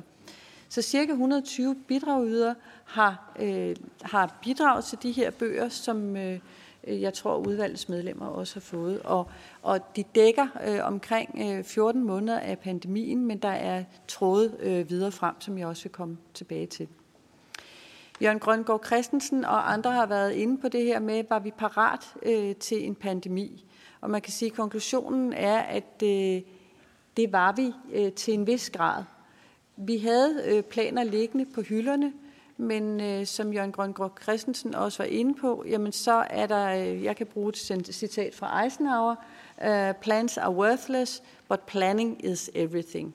Fordi de øh, øh, planer, vi havde liggende på hylderne, de var tænkt til nogle bestemte situationer, og i virkeligheden ikke øh, agile øh, nok til at, øh, at gå ind i, i den situation, vi, vi havde. Øh, Covid-krisen viste øh, betydningen af politisk og fagligt lederskab, og der er så et men. Nogle af tingene er kommet frem allerede, men jeg vil komme tilbage til det. Og krisen satte også et enormt fokus på betydningen af praksisnær ledelse. Alle de ting, der kom oppefra. Pyramider har det jo med at være flade, når man ser dem fra toppen, øh, men det er de altså ikke, når man står nede for enden af dem. Der er skulle praksisnær ledelse til at implementere de øh, ting, der kom ud. Den anden læring, det er, at øh, der skal være kapacitet og evne til at arbejde systematisk. Nu er det kvalitet og patientsikkerhed, man kan sige bredt med, med, øh, med at sikre sundheden i sådan en øh, situation. Der kunne vi se, at der, der hvor der er en veletableret infrastruktur, hvor metoderne til at implementere, og der er en modenhed i øh, den måde at arbejde på, det giver i hvert fald øh, som minimum en ekstra styrke i en øh, krise. Der er øh, der skal være et enormt fokus på eksekvering, på implementering, øh, og det kræver øh, fokus på processer.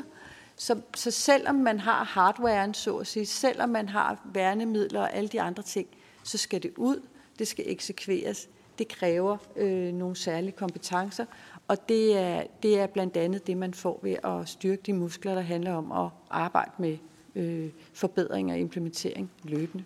Og det gælder jo både for den enkelte medarbejder, det gælder for ledelsen, og det gælder i virkeligheden for hele organisationen. Så også der kan man sige, er der inspiration at hente. Så øh, var Jens Lundgren øh, til slut inde på det her med den psykologiske tryghed, mentale sundhed. Det var så i forhold til øh, sygdommen hos, øh, hos de øh, sundhedsprofessionelle. Men noget af det, vi øh, så meget, meget tydeligt, det var, at personalets øh, psykologiske tryghed har en enorm stor betydning for, hvordan vi klarer os i sådan en situation her.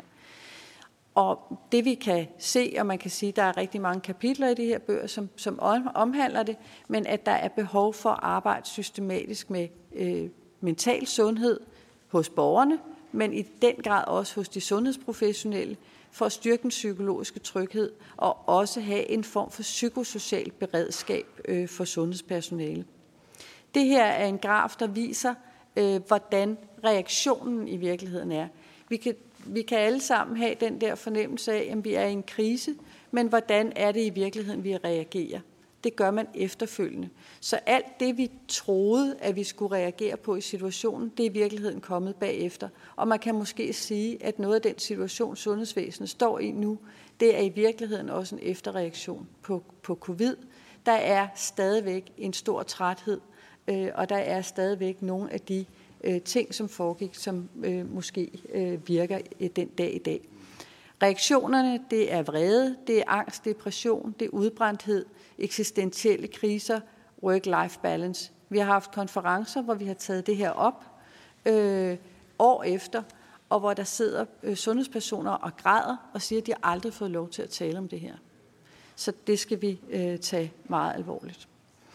Og det vi skal gøre, det er, at vi har jo øh, meget fokus på, hvordan sikrer vi populations øh, populationens sundhed, kan man sige. Hvordan oplever vi de behandlinger, der er i sundhedsvæsenet, og hvordan sørger vi for at få såkaldt mest sundhed for pengene, altså hvordan bruger vi pengene bedst muligt.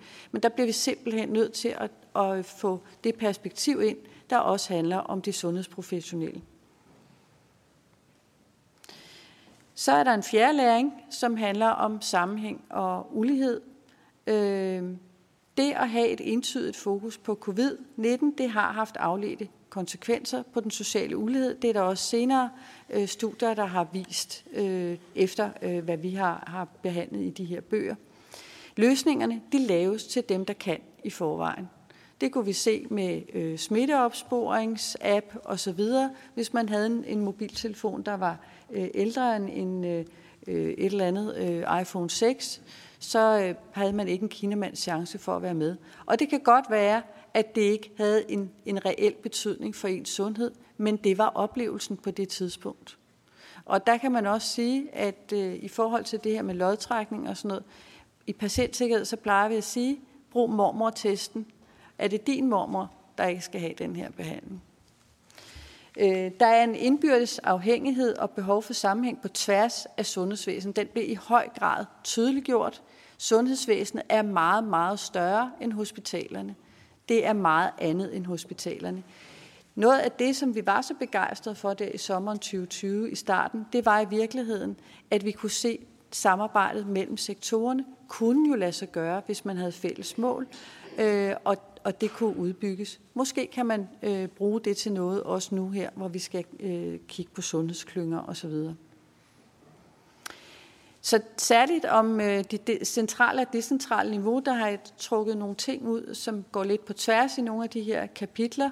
Øh, oplevelsen, den afhænger af, hvor man ser det fra, vil jeg bare sige. Man kan godt have en oplevelse af, at, at samarbejdet fungerede rigtig godt, når man sidder i en styrelse. Øh, det kan være øh, se lidt anderledes ud, når man sidder ude på et plejecenter. Og der var mange positive udsagn, men generelt blev kommunerne glemt. Øh, der var oplevelsen af, at der var mange styrelser, og at de ikke var altid var enige. Der var mange retningslinjer. Der var ikke særlig stort fokus på virkeligheden, altså man lavede ikke, øh, og der kan man i virkeligheden tale om afprøvninger igen. Ude i virkeligheden kan det her i virkeligheden omsættes til øh, det, det skal derude. Og et citat, øh, politiet kunne vi bruge, Øh, og det var jo en sådan lidt sjov øh, ting med alle de her styrelser, der havde masser af gode øh, input og rådgivning til, hvad det var, man skulle, skulle gøre derude. Men politiet kunne man faktisk, øh, de kunne faktisk gå ud og gøre noget i den her situation. Og det er bare et, øh, en understregning af, at det her med eksekvering, det var ekstremt øh, vigtigt og noget, man vægtede højt øh, derude, hvor øh, de borgere, som var i, i en reel risiko, øh, var. Så vil jeg kort også øh, lige dvæle ved det her med etik og prioritering. Vi har et kapitel om øh, krisestandarder, når, øh, når ressourcerne skal rationeres. Og det kan jo være, at der er nogen, der synes, man måske også skal kigge lidt på det i den situation, vi er i i sundhedsvæsenet nu. Øh, den peger, øh, hele, hele øh, det område peger på, og de kapitler, der er om det, peger på øh, nogle af de ting, der allerede er blevet sagt, blandt andet fra Michael Bang-Petersen og Jørgen Grøngård, om bred inddragelse af flere fagligheder, øh, åbenhed, gennemsigtighed og også at få de kritiske røster øh, med ombord. Øh, vi bliver nødt til også i fremtiden at skulle prioritere øh, og se på, hvordan vi bruger ressourcerne i det samlede sundhedsvæsen. Det gælder også kommunerne. De skal også øh, inddrages meget, meget mere øh, aktivt, end, end de var. Det, det må og skal være en læring. Monitorering. Øh, der er masser, der, hvor det kribler i fingrene for at opsamle data og lave forskning, og det er rigtig dejligt, men det handler jo om, hvordan vi, vi faktisk øh, beskytter øh, borgerne og hvor, hvad vi, vi gør. Og vi skal selvfølgelig have monitorering øh, omkring de beredskabsplaner, der er, kapaciteten i sundhedsvæsenet. Vi fandt jo lige pludselig ud af, hvor mange intensive senge vi havde. Det var der ikke nogen, der vidste før. Altså, øh, epidemiovervågningen, forudsigelsesmodeller, som vi fik lavet nogle af, som faktisk var rigtig fine. Patientsikkerheden, hvad er det for nogle afledte konsekvenser, der er for andre borgere osv. Det, det skal vi selvfølgelig have fokus på, men vi bliver også nødt til at øh, have et særligt fokus på, jamen, hvad betyder det her for andre sygdomme? Går det ud over andre sygdomme? Er der nogle grupper øh, i samfundet, som vi faktisk øh, skal have et særligt fokus på? Hvad med de, hvad med de psykosociale konsekvenser øh, af det? Øh, og så selvfølgelig øh, befolkningsadfærd og holdninger baseret på det, man kunne kalde øh, hope-indikatorer. Det sker ikke af sig selv, øh, og derfor er det jo rigtig godt, at Epidemikommissionen øh, mødes Øh, og, øh, og, og det man kan sige, det er, at man skal måske ikke opbygge, som Jørgen Grøngård siger, store øh, øh, øh, hvad hedder det, øh, øh, enheder og alt muligt andet, men man skal have et system, der er agilt og, og, og holder de her ting ved lige. Man kunne sige, at meget af det her kunne vi jo have læst os til, øh, hvis vi havde husket, hvordan det var i 1918 øh, med influenza-pandemien på det tidspunkt. Så der er nok at arbejde til os alle sammen. Øh, god arbejdsløst. Mange tak skal du have, Inge Christensen. Og der er to spørgsmål af sådan opklarende karakter, og så tænker jeg, så åbner vi op. Det psykologiske konsekvenser af den, det forløb, og jo også af den håndtering. Og nu har vi lige øh, haft et andet øh, oplæg, der, der i tale sætter forskellen på det her med at have fokus på at nedbringe al smitte eller alvorlige infektioner. Og jeg tænker, at de to øh, forskellige perspektiver vil have enorme konsekvenser for det, der har været jeres oplevelse. Så kan du eventuelt sætte et par ord på, hvad forskellen ville have været? Havde det gjort en forskel, hvis man havde haft et fokus, der kun havde handlet om, øh, om alvorlige infektioner? Mange tak, og værsgo Inge. Øh, jeg synes, det er svært at sige, om det ville have haft en øh, forskel, hvis vi, hvis vi skal starte med det sidste øh, først her. Øh, det, er, det, det tror jeg, at der er flere fagligheder, der i virkeligheden skal, skal øh, ind over og, og vurdere, og det kunne være en af de, som, som ville være interessant at vurdere. Man kan sige, hvis jeg skal, bare skal øh, være damen fra patientsikkerhed, så, så kan man sige, at vi er jo ikke øh, ude på at lave et fejlfrit sundhedsvæsen, for det kommer vi aldrig nogensinde til. Men vi er ude i, at vi skal forebygge alvorlig skade. Øh, det, som man måske godt kunne have forudset, det var, at nogle af de ting, man, man, øh, man, man gjorde i forhold til personalet, ville have en, en virkning fremadrettet. Men man var jo meget fokuseret på at løse problemstillingen her og nu. Så, så det er jo igen, altså øh, det, det er, jo, afhænger jo af både, øh, hvor man står, og hvor i tiden man står. Øh, så, men, men jeg tror, at det vil være gavnligt at have, øh, have sådan en, en, drø, en drøftelse. Øh, med hensyn til, til kommunerne, øh, Øh, altså først og fremmest blev de glemt. Øh, det gjorde de i forhold til værnemidler og så videre, og man kan sige, i, i forhold til, hvor, hvor de, hvor de øh, sårbare grupper var henne, de var jo primært på plejecentrene, øh, som man gerne ville beskytte, så var det jo en, øh, så var det jo en, øh, en katastrofe. Og, og man kan på mange måder, hvis man øh, arbejder med hygiejne og infektion, så kan man sådan holde sig helt for ørerne og tænke, nej, nej, nej. Når man hørte historierne om folk, der kørte til Hansen og købte øh, regnfrakker og øh, øh, øh, øh hvad hedder det, nytårsvisier og, og sådan noget, for at prøve at beskytte sig. Men der var jo en enorm kreativitet. Så den, hvad skal man sige, fantasi, som, som også bliver efterlyst, den var der i, i høj grad, og de løsninger blev lavet. Kunne der have været øh, mere fælles? Ja, øh, det kunne der sagtens øh, på tværs af, af kommunerne. Men vi så også, at de kommuner, som havde, et, øh, havde arbejdet seriøst og systematisk med de her ting i forvejen, de klarede sig faktisk øh, ret godt. Lolland Kommune er et godt eksempel. De gjorde ingenting anderledes, som de sagde, fordi det her det er jo bare en del af vores almindelige hygiejneorganisation. Øh, tak. Og så kom vi igennem alle de gode oplæg. Tusind tak for jeres oplæg. Så øh, vil jeg gerne gå videre til spørgsmål fra udvalgets medlemmer. Og jeg kan se, at der er allerede nogen, der har rækket hånden op. Det er så fint. Vi starter med Jens Henrik Thulsen Dahl. Værsgo. Tak for det, og tusind tak for alle oplægene. Det er meget vækkende og inspirerende at høre på. Øhm, det, jeg egentlig gerne vil spørge jer ind til, det er nogle af de ting, vi står lidt med som udfordringer i dag for mig at se. Og I var lidt inde på det. Jens Lundgren talte om øh, frontpersonalet, øh, arbejdsskader, som man, man melder ind. Nogen får, og nogen får ikke. Øh, og det jeg er lidt nysgerrig på, det er, hvordan kommer vi igennem det her og får anerkendt på en måde, så vi også opretholder tilliden, så man næste gang også tør stå som frontpersonale og være, være en del af det her. Øh, og så er det det andet element, som øh, jeg tror, Christine var også lidt inde på, i forhold til, at der er senfølger, både efter dem, der har haft covid, og dem, der har fået vaccine. Øh, og hvordan kommer vi også fremadrettet der? Er vi nødt til at sige, at det er en, en, en gruppe, de har gener på mange måder. Jeg tror, at Jens var inde på, at der er jo også noget med sygdomme, der opstår over tid og sammenfald. Så hvordan gør vi det på en måde, så vi også troværdigt kommer videre, så vi ikke står næste gang, der er et eller andet, og man, man tænker, at der er ikke nogen, der tager, tager det her alvorligt. Så det kunne jeg godt tænke mig at høre lidt kommentarer på, hvordan vi ja, kommer godt ud af det. Tak, og jeg tænker, vi tager lige et par spørgsmål mere, og hvis jeg kan få jer til at adressere spørgsmålet til en oplægsholder, så bliver det nemmere. Det fik jeg ikke sagt før. Louise Brown fra Liberal Alliance, værsgo. Tak for det, og tusind tak for jeres øh, fine oplæg alle sammen. Øhm, jeg har øh, lidt, lidt forskellige spørgsmål. Grønnegård, øh, der blev på hastebehandlet en hel masse lovforslag sidst i pandemien også, og faktisk langt ind i 21 blev forslag behandlet på under en uge. Kan du skitsere nogle af de problemer, der kan være ved at behandle tingene så hurtigt? Øh, og hvad er dine bud på, hvorfor det var så vigtigt at gøre det så hurtigt?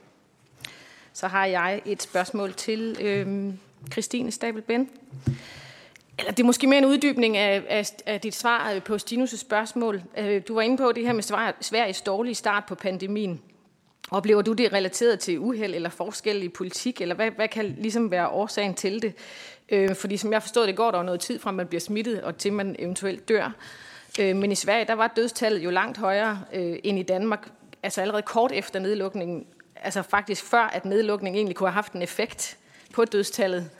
Øhm, kan du uddybe, hvorfor man så så stor en forskel så tidligt øh, i forløbet, og, og egentlig også lidt om, hvad det betyder at anvende Sverige som kontrolland? Øhm, kort, Bank Petersen, øhm, kan du sige noget om, om graden af tillid øh, i løbet af pandemien? Altså er der sket ændringer fra start til slut i forhold til, til øh, oplevelsen af grad af tillid? Øh, og kan du sige noget om, hvordan påbud af mundbind og vacciner øh, kan have medvirket til politisk splittelse eller tilslutning til for eksempel sådan noget som andre vaccinationsprogrammer, børnevaccinerne. Tak. Tak, og så tager vi lige en enkelt mere fra udvalget. Øh, Rasmus Jarlov, konservativ, og så tager vi de andre bagefter, når vi lige har fået svar her. Øh, ja tak, og tak for at holde en høring her, og øh, også give plads til enkelte øh, kritiske stemmer. Øh, jeg synes jo, det, det, er, det er jo nemt at være bagklog, men det er jo åbenlyst, at der er blevet begået øh, selvfølgelig nogle fejl øh, undervejs i øh, coronahåndteringen. Noget af det kan jo undskyldes med, at man ikke rigtig vidste, hvad man stod overfor. Men vi er nødt til at tale åbent om, at, at der på visse områder selvfølgelig blev overreageret lidt.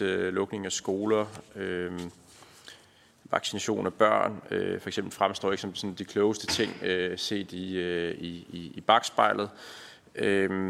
Der er også nogle frihedsrettigheder, der undervejs blev sat til side. Øh, næringsfrihed, øh, forsamlingsfrihed. Øh, I Folketinget øh, foretog vi nogle helt vilde ting, hvor vi gav regeringen bemyndigelse til at forbyde forsamlinger ned til to personer, øh, hvilket altså set i bagspejlet virker sådan fuldstændig øh, vanvittigt. Øh, jeg synes, de der, de der fejl, der er blevet begået, dem skal vi jo kunne snakke om, så vi kan, så vi kan lære af dem. Øh, og det gælder jo både politikere, men jeg synes også, det gælder eksperter, øh, som var alt for tavse, øh, som om den kritiske sans blev så fuldstændig fra øh, undervejs. Der har vi også brug for noget mere hjælp, øh, synes jeg, undervejs, når der sker sådan nogle demokratiske øh, fejl, og så gælder det også befolkningen i det hele taget. Det var ikke bare noget en stemning, der var herinde, men der var en stemning af panik øh, ude i befolkningen, hvor der også var masser af selvbestaltede coronabetjente øh, og masser af mennesker, som ja, som pressede på, og der var den der stemning af frygt, som gjorde den kritiske sans øh, trådt ud. Så jeg kunne godt bare øh, spørge om, øh, om Jørgen, Jørgen Grønnegård, om, om du, når man kigger tilbage på den demokratiske proces, øh, måske kan, kan komme med et par refleksioner over, om for eksempel øh, at give regeringen øh, bemyndigelse til at forbyde forsamlinger ned til tre personer, om det var rimeligt, eller om man skulle holde fast i de almindelige principper, man havde øh, om, om demokrati og forsamlingsfrihed. Og, og Jens, øh, du må egentlig også godt svare på, jeg ved godt, hvad Christine vil svare, så der vil jeg ikke spørge. Øh, du har næsten sagt det, altså du siger jo direkte, at proportionalitetsprincippet blev sat til side. Jens, hvad er din holdning til det? Øh, gav det mening, at man gjorde det, eller skulle man måske have holdt sig til øh, den øh, epidemilov, som man havde i forvejen, hvor der var lagt øh, proportionalitet ind, og hvor man egentlig havde i, egentlig havde en, en måde at håndtere øh, epidemier på i forvejen. Tak. Og så øh, åbner jeg op for panelet. Jeg ved ikke, øh, hvem der vil starte med at svare. Måske skal vi tage, bare tage det fra en ende af. Var der nogle spørgsmål til Inge Christensen? Det, nej, Christine Stabelband. Jeg fangede en, øh, flere spørgsmål. Øh, først til Jens Henrik Thulesen Dahl, så øh, jeg synes, du har fuldstændig ret i at påpege, at det her det handler om tillid, hvordan vi håndterer senfølger efter infektion og vaccination, fordi det handler noget om, om man stiller sig op som, som frontpersonale en anden gang. Det handler noget om, at man stikker armen ud og lader sig vaccinere en anden gang. Så det er jo essentielt, at vi sender, at der bliver sendt et signal, der hedder, at hvis du får skader i de situationer, så bliver der samlet op på dig, og der står nogen klar til at hjælpe dig. Det er klart, at der kan være tilfældige sammenfald mellem, at Øh, når vi vaccinerer en kæmpestor gruppe af personer, og som noget nyt også som massevaccinerer voksne mennesker, som jo under tiden bliver syge, så er der mange situationer, hvor man kan sige, at man ikke kan udelukke, at en given sygdom optræder tilfældigt i tilknytning til vaccination, hvis vi nu snakker om det, og ikke infektion. Øh, fordi der har været generelt meget større villighed til at acceptere, at nyopstået sygdom efter infektion skyldes infektionen, end der har været til at acceptere, at nyopstået sygdom efter vaccination skyldes vaccinationen. Det er, fordi der er det her lille problem selvfølgelig, at, at, at, at ja, det kan jo være, at det er en tilfældighed, at der opstår en nyopstået sygdom efter vaccination, og den vil have optrådt, selvom man ikke var blevet vaccineret. Jeg synes, man giver det, den lille bekymring alt for stor betydning, øh, som det er lige nu. Øh, det, det synes jeg, fordi det er meget klart fra de historier, jeg har hørt, at nej, man, får, altså, man oplever det simpelthen ikke som tilfældigt, og jeg lyd, det lyder ikke tilfældigt, når man får en vaccination, og seks timer efter, så starter akutte øh, perifære nervesmerter, som, som står på og står på i, i overvis efter vaccination. Jeg har hørt så mange troværdige beskrivelser af folk, som bliver akut syge i forbindelse med vaccination, til at kunne bare sige, at det er nok bare en tilfældighed. Og særligt, når vi har at gøre med en ny vaccine, som vi ikke har undersøgt ordentligt, hvor vi ikke har god langtidsopfølging med mellem vaccinerede og uvaccinerede grupper med hensyn til, hvad for nogle bivirkninger, der består, så synes jeg, at bevisbyrden ligger forkert lige nu. Bevisbyrden ligger hos de vaccinerede til at bevise over enhver tvivl, at vaccinen, deres nyopståede sygdom skyldes vaccinen. Øh, det burde være omvendt, synes jeg. Jeg synes, når vi har lavet sådan en stor masseudrulling, så kan man godt diskutere, om det retsligt set var mere rimeligt, at det var staten, der skulle bevise hævet over enhver tvivl, at det ikke var vaccinen, der var skuld i sygdommen. Øh, så, så det er der, hvor jeg mener, vi står. Vi, vi ved ikke nok til at afvise de her folk, og vi skaber et kæmpe tillidsproblem. Så barn for, hvad vi anerkender som vaccineskader, skal ligge, ligge et helt andet sted. Øh, men Ej, undskyld, det var, vi har ikke så lang tid, så hvis vi kan prøve at holde svarene forholdsvis kort, fordi der er flere fra udvalget, der også gerne vil stille spørgsmål. Yes, så tak. tager jeg bare ganske kort også til Louise Brown med hensyn til Sverige som kontrolland. De kom dårligt fra start. Jeg har peget på, at jeg tror, der ligger en fin analyse, der viser, at de havde vinterferie i uge 9 og 10. Der var rigtig meget af smitten, som blev importeret. Øh, hvad? Nej, vi havde, vi havde vinterferie i uge 7 og 8. Det var faktisk ret markant, hvad det gjorde af forskel, om man var i Østrig i uge 7 og 8 eller i uge 9 og 10. Smitten var, før man overhovedet begynder på nedlukningerne, langt højere i Sverige, så det var meget sværere at få slået smitten ned. Så det var en dårlig start, der skyldes, at der var et højere niveau af smitte i landet på det tidspunkt. Og så var der den her akkumulering i indvandrertunge boliger, eller i områder, så, så, som havde høj sygelighed. Så jeg mener, hvis vi trækker den første bølge fra, det kan vi godt gøre med en vis rimelighed, eller det er i hvert fald en måde at se det på, og sige, hvis vi ser bort fra den første bølge, hvor alle, inklusiv Sverige, anerkender, at de kom rigtig dårligt fra start, så ser regnestykket øh, Danmark-Sverige endnu bedre ud til Sveriges fordel i forhold til, at vi godt kunne have haft de her ting, som, som, som, øh, som du også er inde på, øh, Rasmus Jarlov, med hensyn til skolelukninger, med hensyn til vaccination af børn, udendørs sport etc. Der er mange af de her ting, som, som vi har meget god grund til at fastslå, sagtens kunne have været fungeret i Danmark, samtidig øh, med, at vi havde haft god kontrol over pandemien. Tak. Og så øh, tillader jeg mig lige at gå videre til Jens Lundgren, og hvis du kan svare ganske kort. Jeg skal gøre det meget kort. Øh, øh, Jens Henrik, øh, opretholdelse af tillid til front, frontlinjepersonale er en vigtig ting.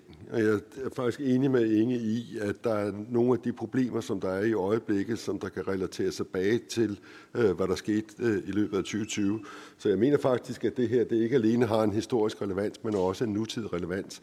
Og derfor noget, som jeg tror, at anerkendelse øh, af, altså alle kan huske, at man klappede frontlinjepersonale til at begynde med, Øh, Øh, og nu sidder folk tilbage lidt øh, bagefter. Hvor var det egentlig, der skete, fordi samfundet flyttede sig videre. Øh, så det tror jeg godt, vi kan gøre lidt bedre. Øh, og jeg ved ikke om penge, det faktisk, det tror jeg faktisk ikke er løsningen på det her. Altså det kan godt være, at det også er. Øh, det skal jeg ikke udtale mig om, men, men faktisk at snakke omkring det her øh, og anerkende, at der faktisk var nogen, som der blev sat i en meget, meget svær situation, øh, øh, til at begynde med i hvert fald under de første to, to bølger, øh, og hvor de så blev syge øh, af at stå i en meget svær situation. At sygeplejerske for et øjenambulatorium, der lige pludselig stod med en dødssyg covid-patient for eksempel. Så det vil jeg bare sige. Nu har vi tæsket lidt rundt i det der med sygdom, øh, efter vacciner, efter sygdom, øh, og i øvrigt, hvad der er baggrundssygdom, øh, øh, sygdom, som der udvikler sig, øh, og hvilke behandlingstilbud der er. Altså, jeg håber bare, at øh, altså, der er jo i hver region behandlingstilbud for patienter med komplekse sygdomme. Øh, så, så det, det er jo ikke, fordi vi skal til at udvikle en ny disciplin, al den stund, at den øh, er der. Man kan diskutere, hvor, godt, hvor god den er, om det kan blive bedre og frem og tilbage. Det synes jeg er en øh, helt fin diskussion, men det er et spørgsmål om at få, få styrket nogle områder. Øh, så, så det, det mener jeg faktisk, at der findes allerede. Øh, Rasmus Jarlov, demokratisk øh, proportionalitetsprincippet. Øh, jeg synes vi i høj grad, man kan diskutere, øh, om der blev gik, øh, gået for hårdt til den. Øh, og man kan med i høj grad diskutere under en pandemi, om det er rimeligt at starte hele processen op med at sige, et dødsfald er et dødsfald for meget. Øh, det kan man helt klart, øh, det ligger ikke i lærebøgerne, at man vil tænke på en pandemi på den måde, at det her, der skal vi holde sygdom, øh, befolkningen helt fri af infektion. Det prøvede, det prøvede kineserne jo. Ikke? Men det var en ret svær proces, de var igennem. Altså nul-tolerance-politikken der. Men der vil ikke en mere balanceret tilgang til pandemihåndtering, så vil man skabe en eller anden form for øh, proportionalitet øh, i det. Øh, og man skal passe på, hvis, hvis der bliver lagt, altså epidemiloven, øh, i hvert fald indtil 1. marts 21, var jo altså en defineret af sundhedsministeren. Altså, ikke?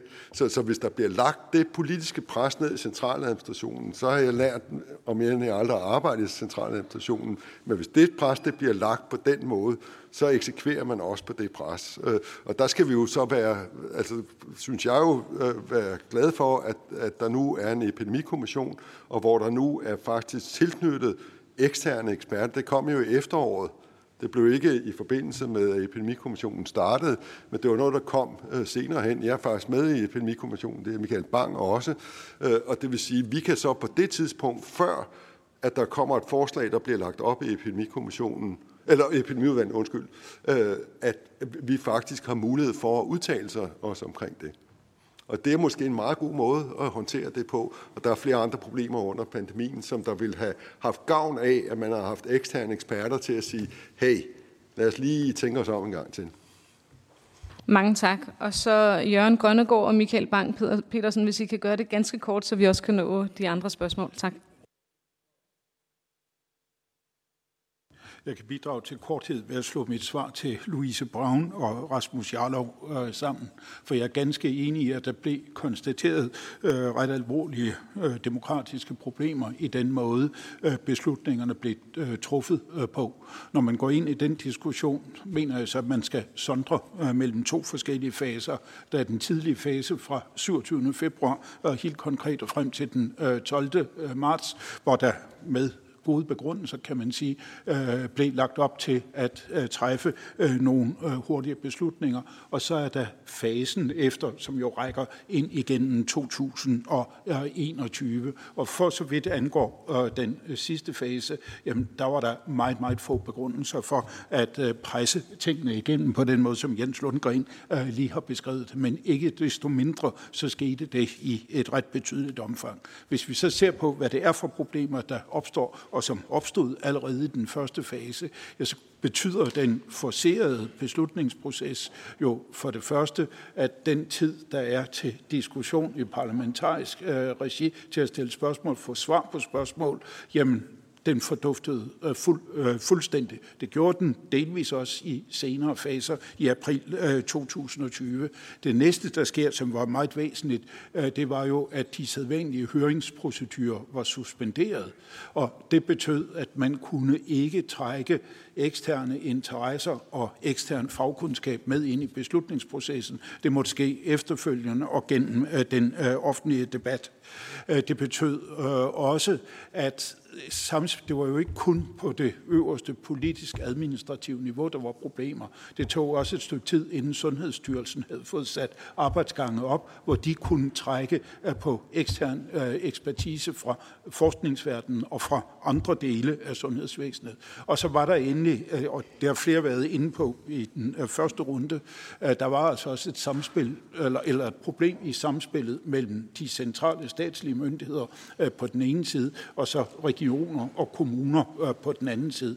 Det fungerede efter øh, min vurdering meget dårligt, øh, når det galt øh, det øh, øverste niveau, men når vi kom til styrelserne, politiet er nævnt, og man kunne også nævne Sundhedsstyrelsen, så gjorde de der stats, centrale statslige myndigheder på et lavere niveau, de gjorde faktisk noget for at få det til at køre. Så der er rigtig mange ting, man kan tage ved lære af i den sammenhæng, og det kan jo summes op i, at der skal være tid, der skal være transparens, og der skal være grundlag eller procedurer, der sikrer, at man får trukket mange forskellige former for øh, faglige stemmer øh, med ind i forberedelsesprocessen. Mange tak, Jørgen. Og Michael? Ja, mange tak, og det er et svar til, til dig, Louise Braun. Øhm, det vi ved omkring øh, tilliden, det er, at øh, den øh, startede meget højt i Danmark, og den sluttede meget højt i Danmark. Men der var et fald hen over øh, pandemien i forhold til tilliden til epidemihåndtering og i forhold til tilliden til regeringen. Jeg vil gerne bede om, at der er ro fra tilhørende. Jeg tror lige, vi holder en øh, kort pause her.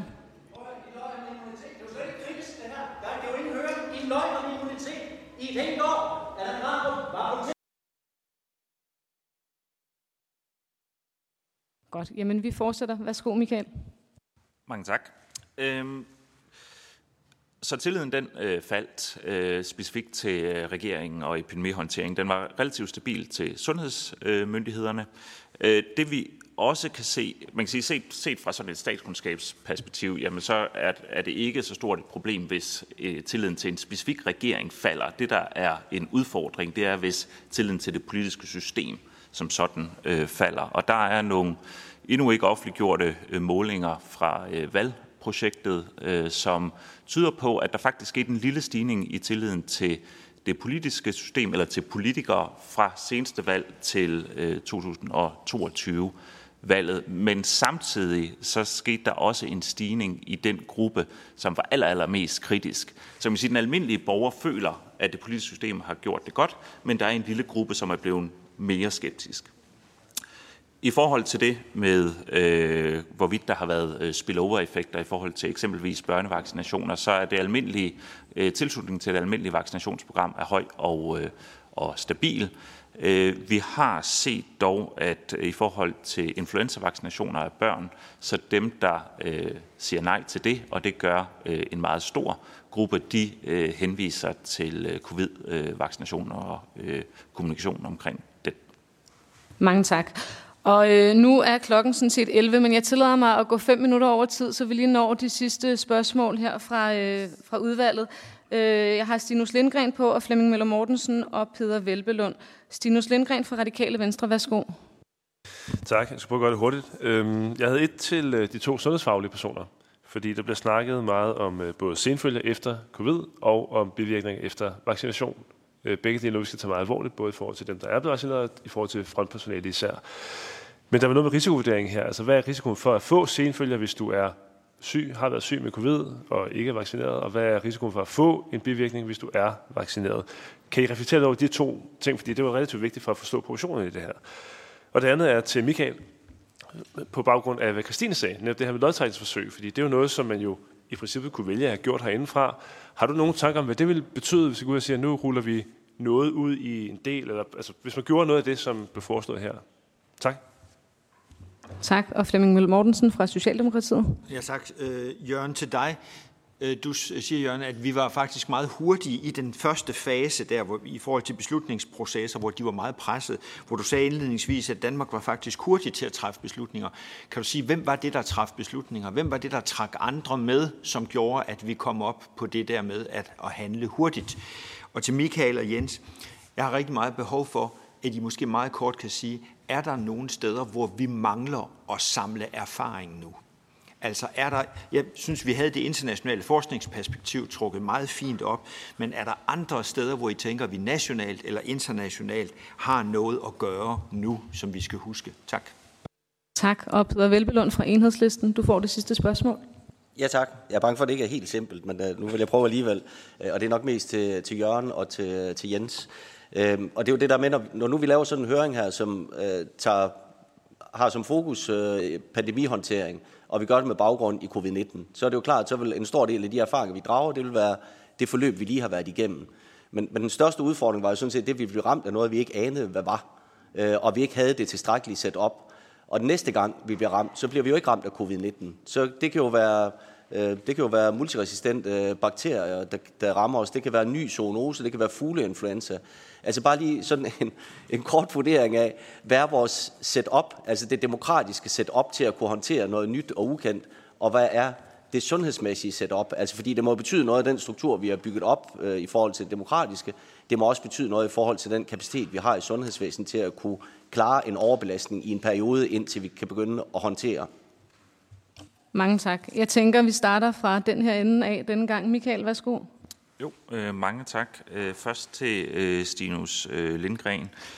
Øh, jeg, man kan have den bekymring, at øh, oplevelsen af forskel i behandling i sig selv er noget, der kan skabe øh, mistillid hos øh, borgerne. Mine, øh, mine tyske kollegaer øh, har... Øh, udtalt, at en udfordring, som, som de har stået øh, overfor, er, at, at det føderale system gør, at, at de forskellige delstater har håndteret det meget forskelligt, og, og den forskel har været med til at skabe øh, stor øh, debat og, øh, og mistillid. Øh, så, så der er en bekymring for, hvad det kan gøre i forhold til oplevelsen af byrder, og hvorfor må de, og vi ikke øh, må. Så, så det er i hvert fald en svær kommunikationsøvelse. Derudover så tror jeg også, at vi, øh, vi kan se på data, at, at pandemien jo også, og smitten også i sig selv, er noget, der skaber stress og bekymring. Så på den måde, så det her med at sige, jamen nu venter vi lige, er også noget, der øh, kan være med til at øh, øh, også skabe mistrivsel øh, i sig selv, frem for at handle. Øh, så øh, spørgsmålet fra øh, Flemming Møller øh, Mortensen omkring, hvad det er, vi, øh, vi mangler. Øh, og, og der kan jeg jo primært tale omkring det, der er min, øh, min faglighed. Og, og der synes jeg, vi vi mangler, man kan sige, meget er, er i bund og grund blevet øh, opsamlet øh, løbende, som også Jørgen Grønnegård taler om, i, igennem øh, en, øh, en udvikling af, øh, af epidemikommissionen og sammensætningen.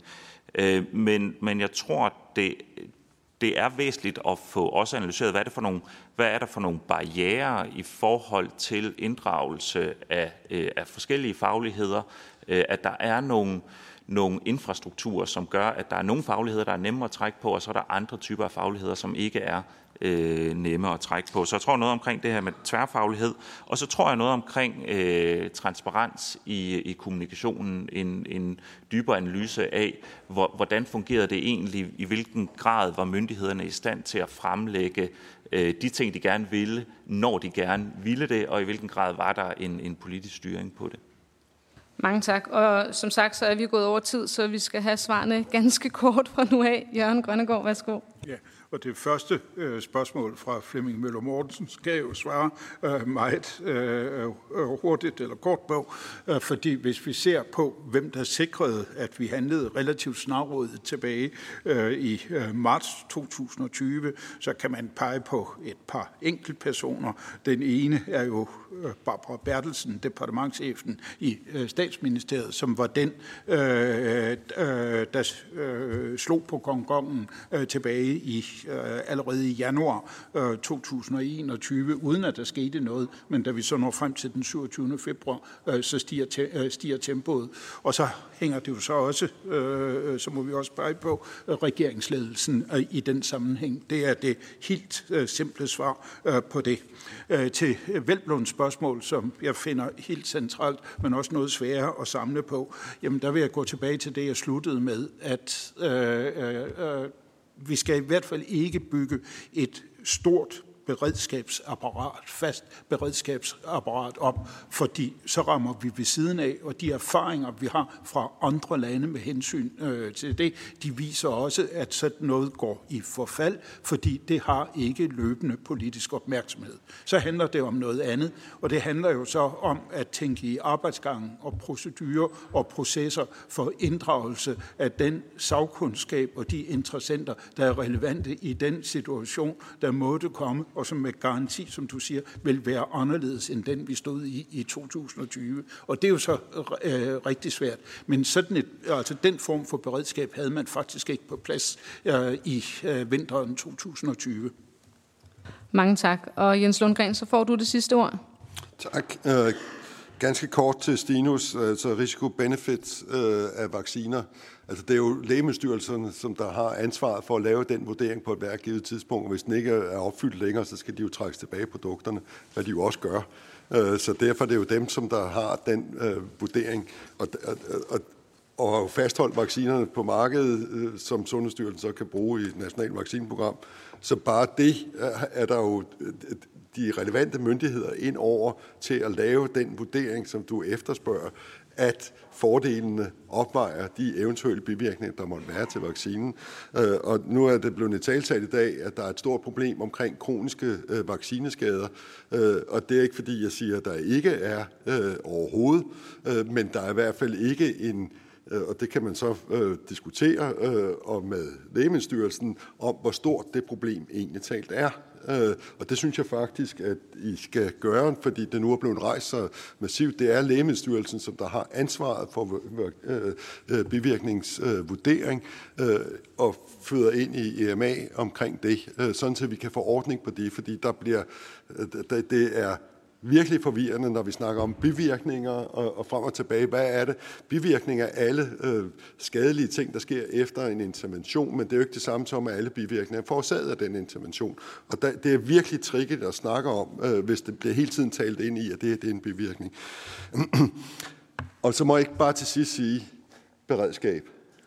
Det er jo fuldstændig rigtigt, øh, Peter Velblom, at vi kan ikke forudse, hvad den næste pandemi kommer, eller større sundhedsmæssige krise kommer til at se ud. Det er også derfor, at beredskabet det skal være generisk. Øh, vi skal ikke lave et specifikt coronaberedskab, men vi skal lave et generisk beredskab. Og kigge på, og jeg vil sige, det, den allervigtigste læring, som jeg tror, I vi ikke har fået, som jeg godt ville få lov til at formulere øh, denne høring af på, det er, der findes en hel masse ekspertise Øh, på forskellige institutioner. Det håber jeg, at der er en vis anerkendelse af også, at den faktisk findes.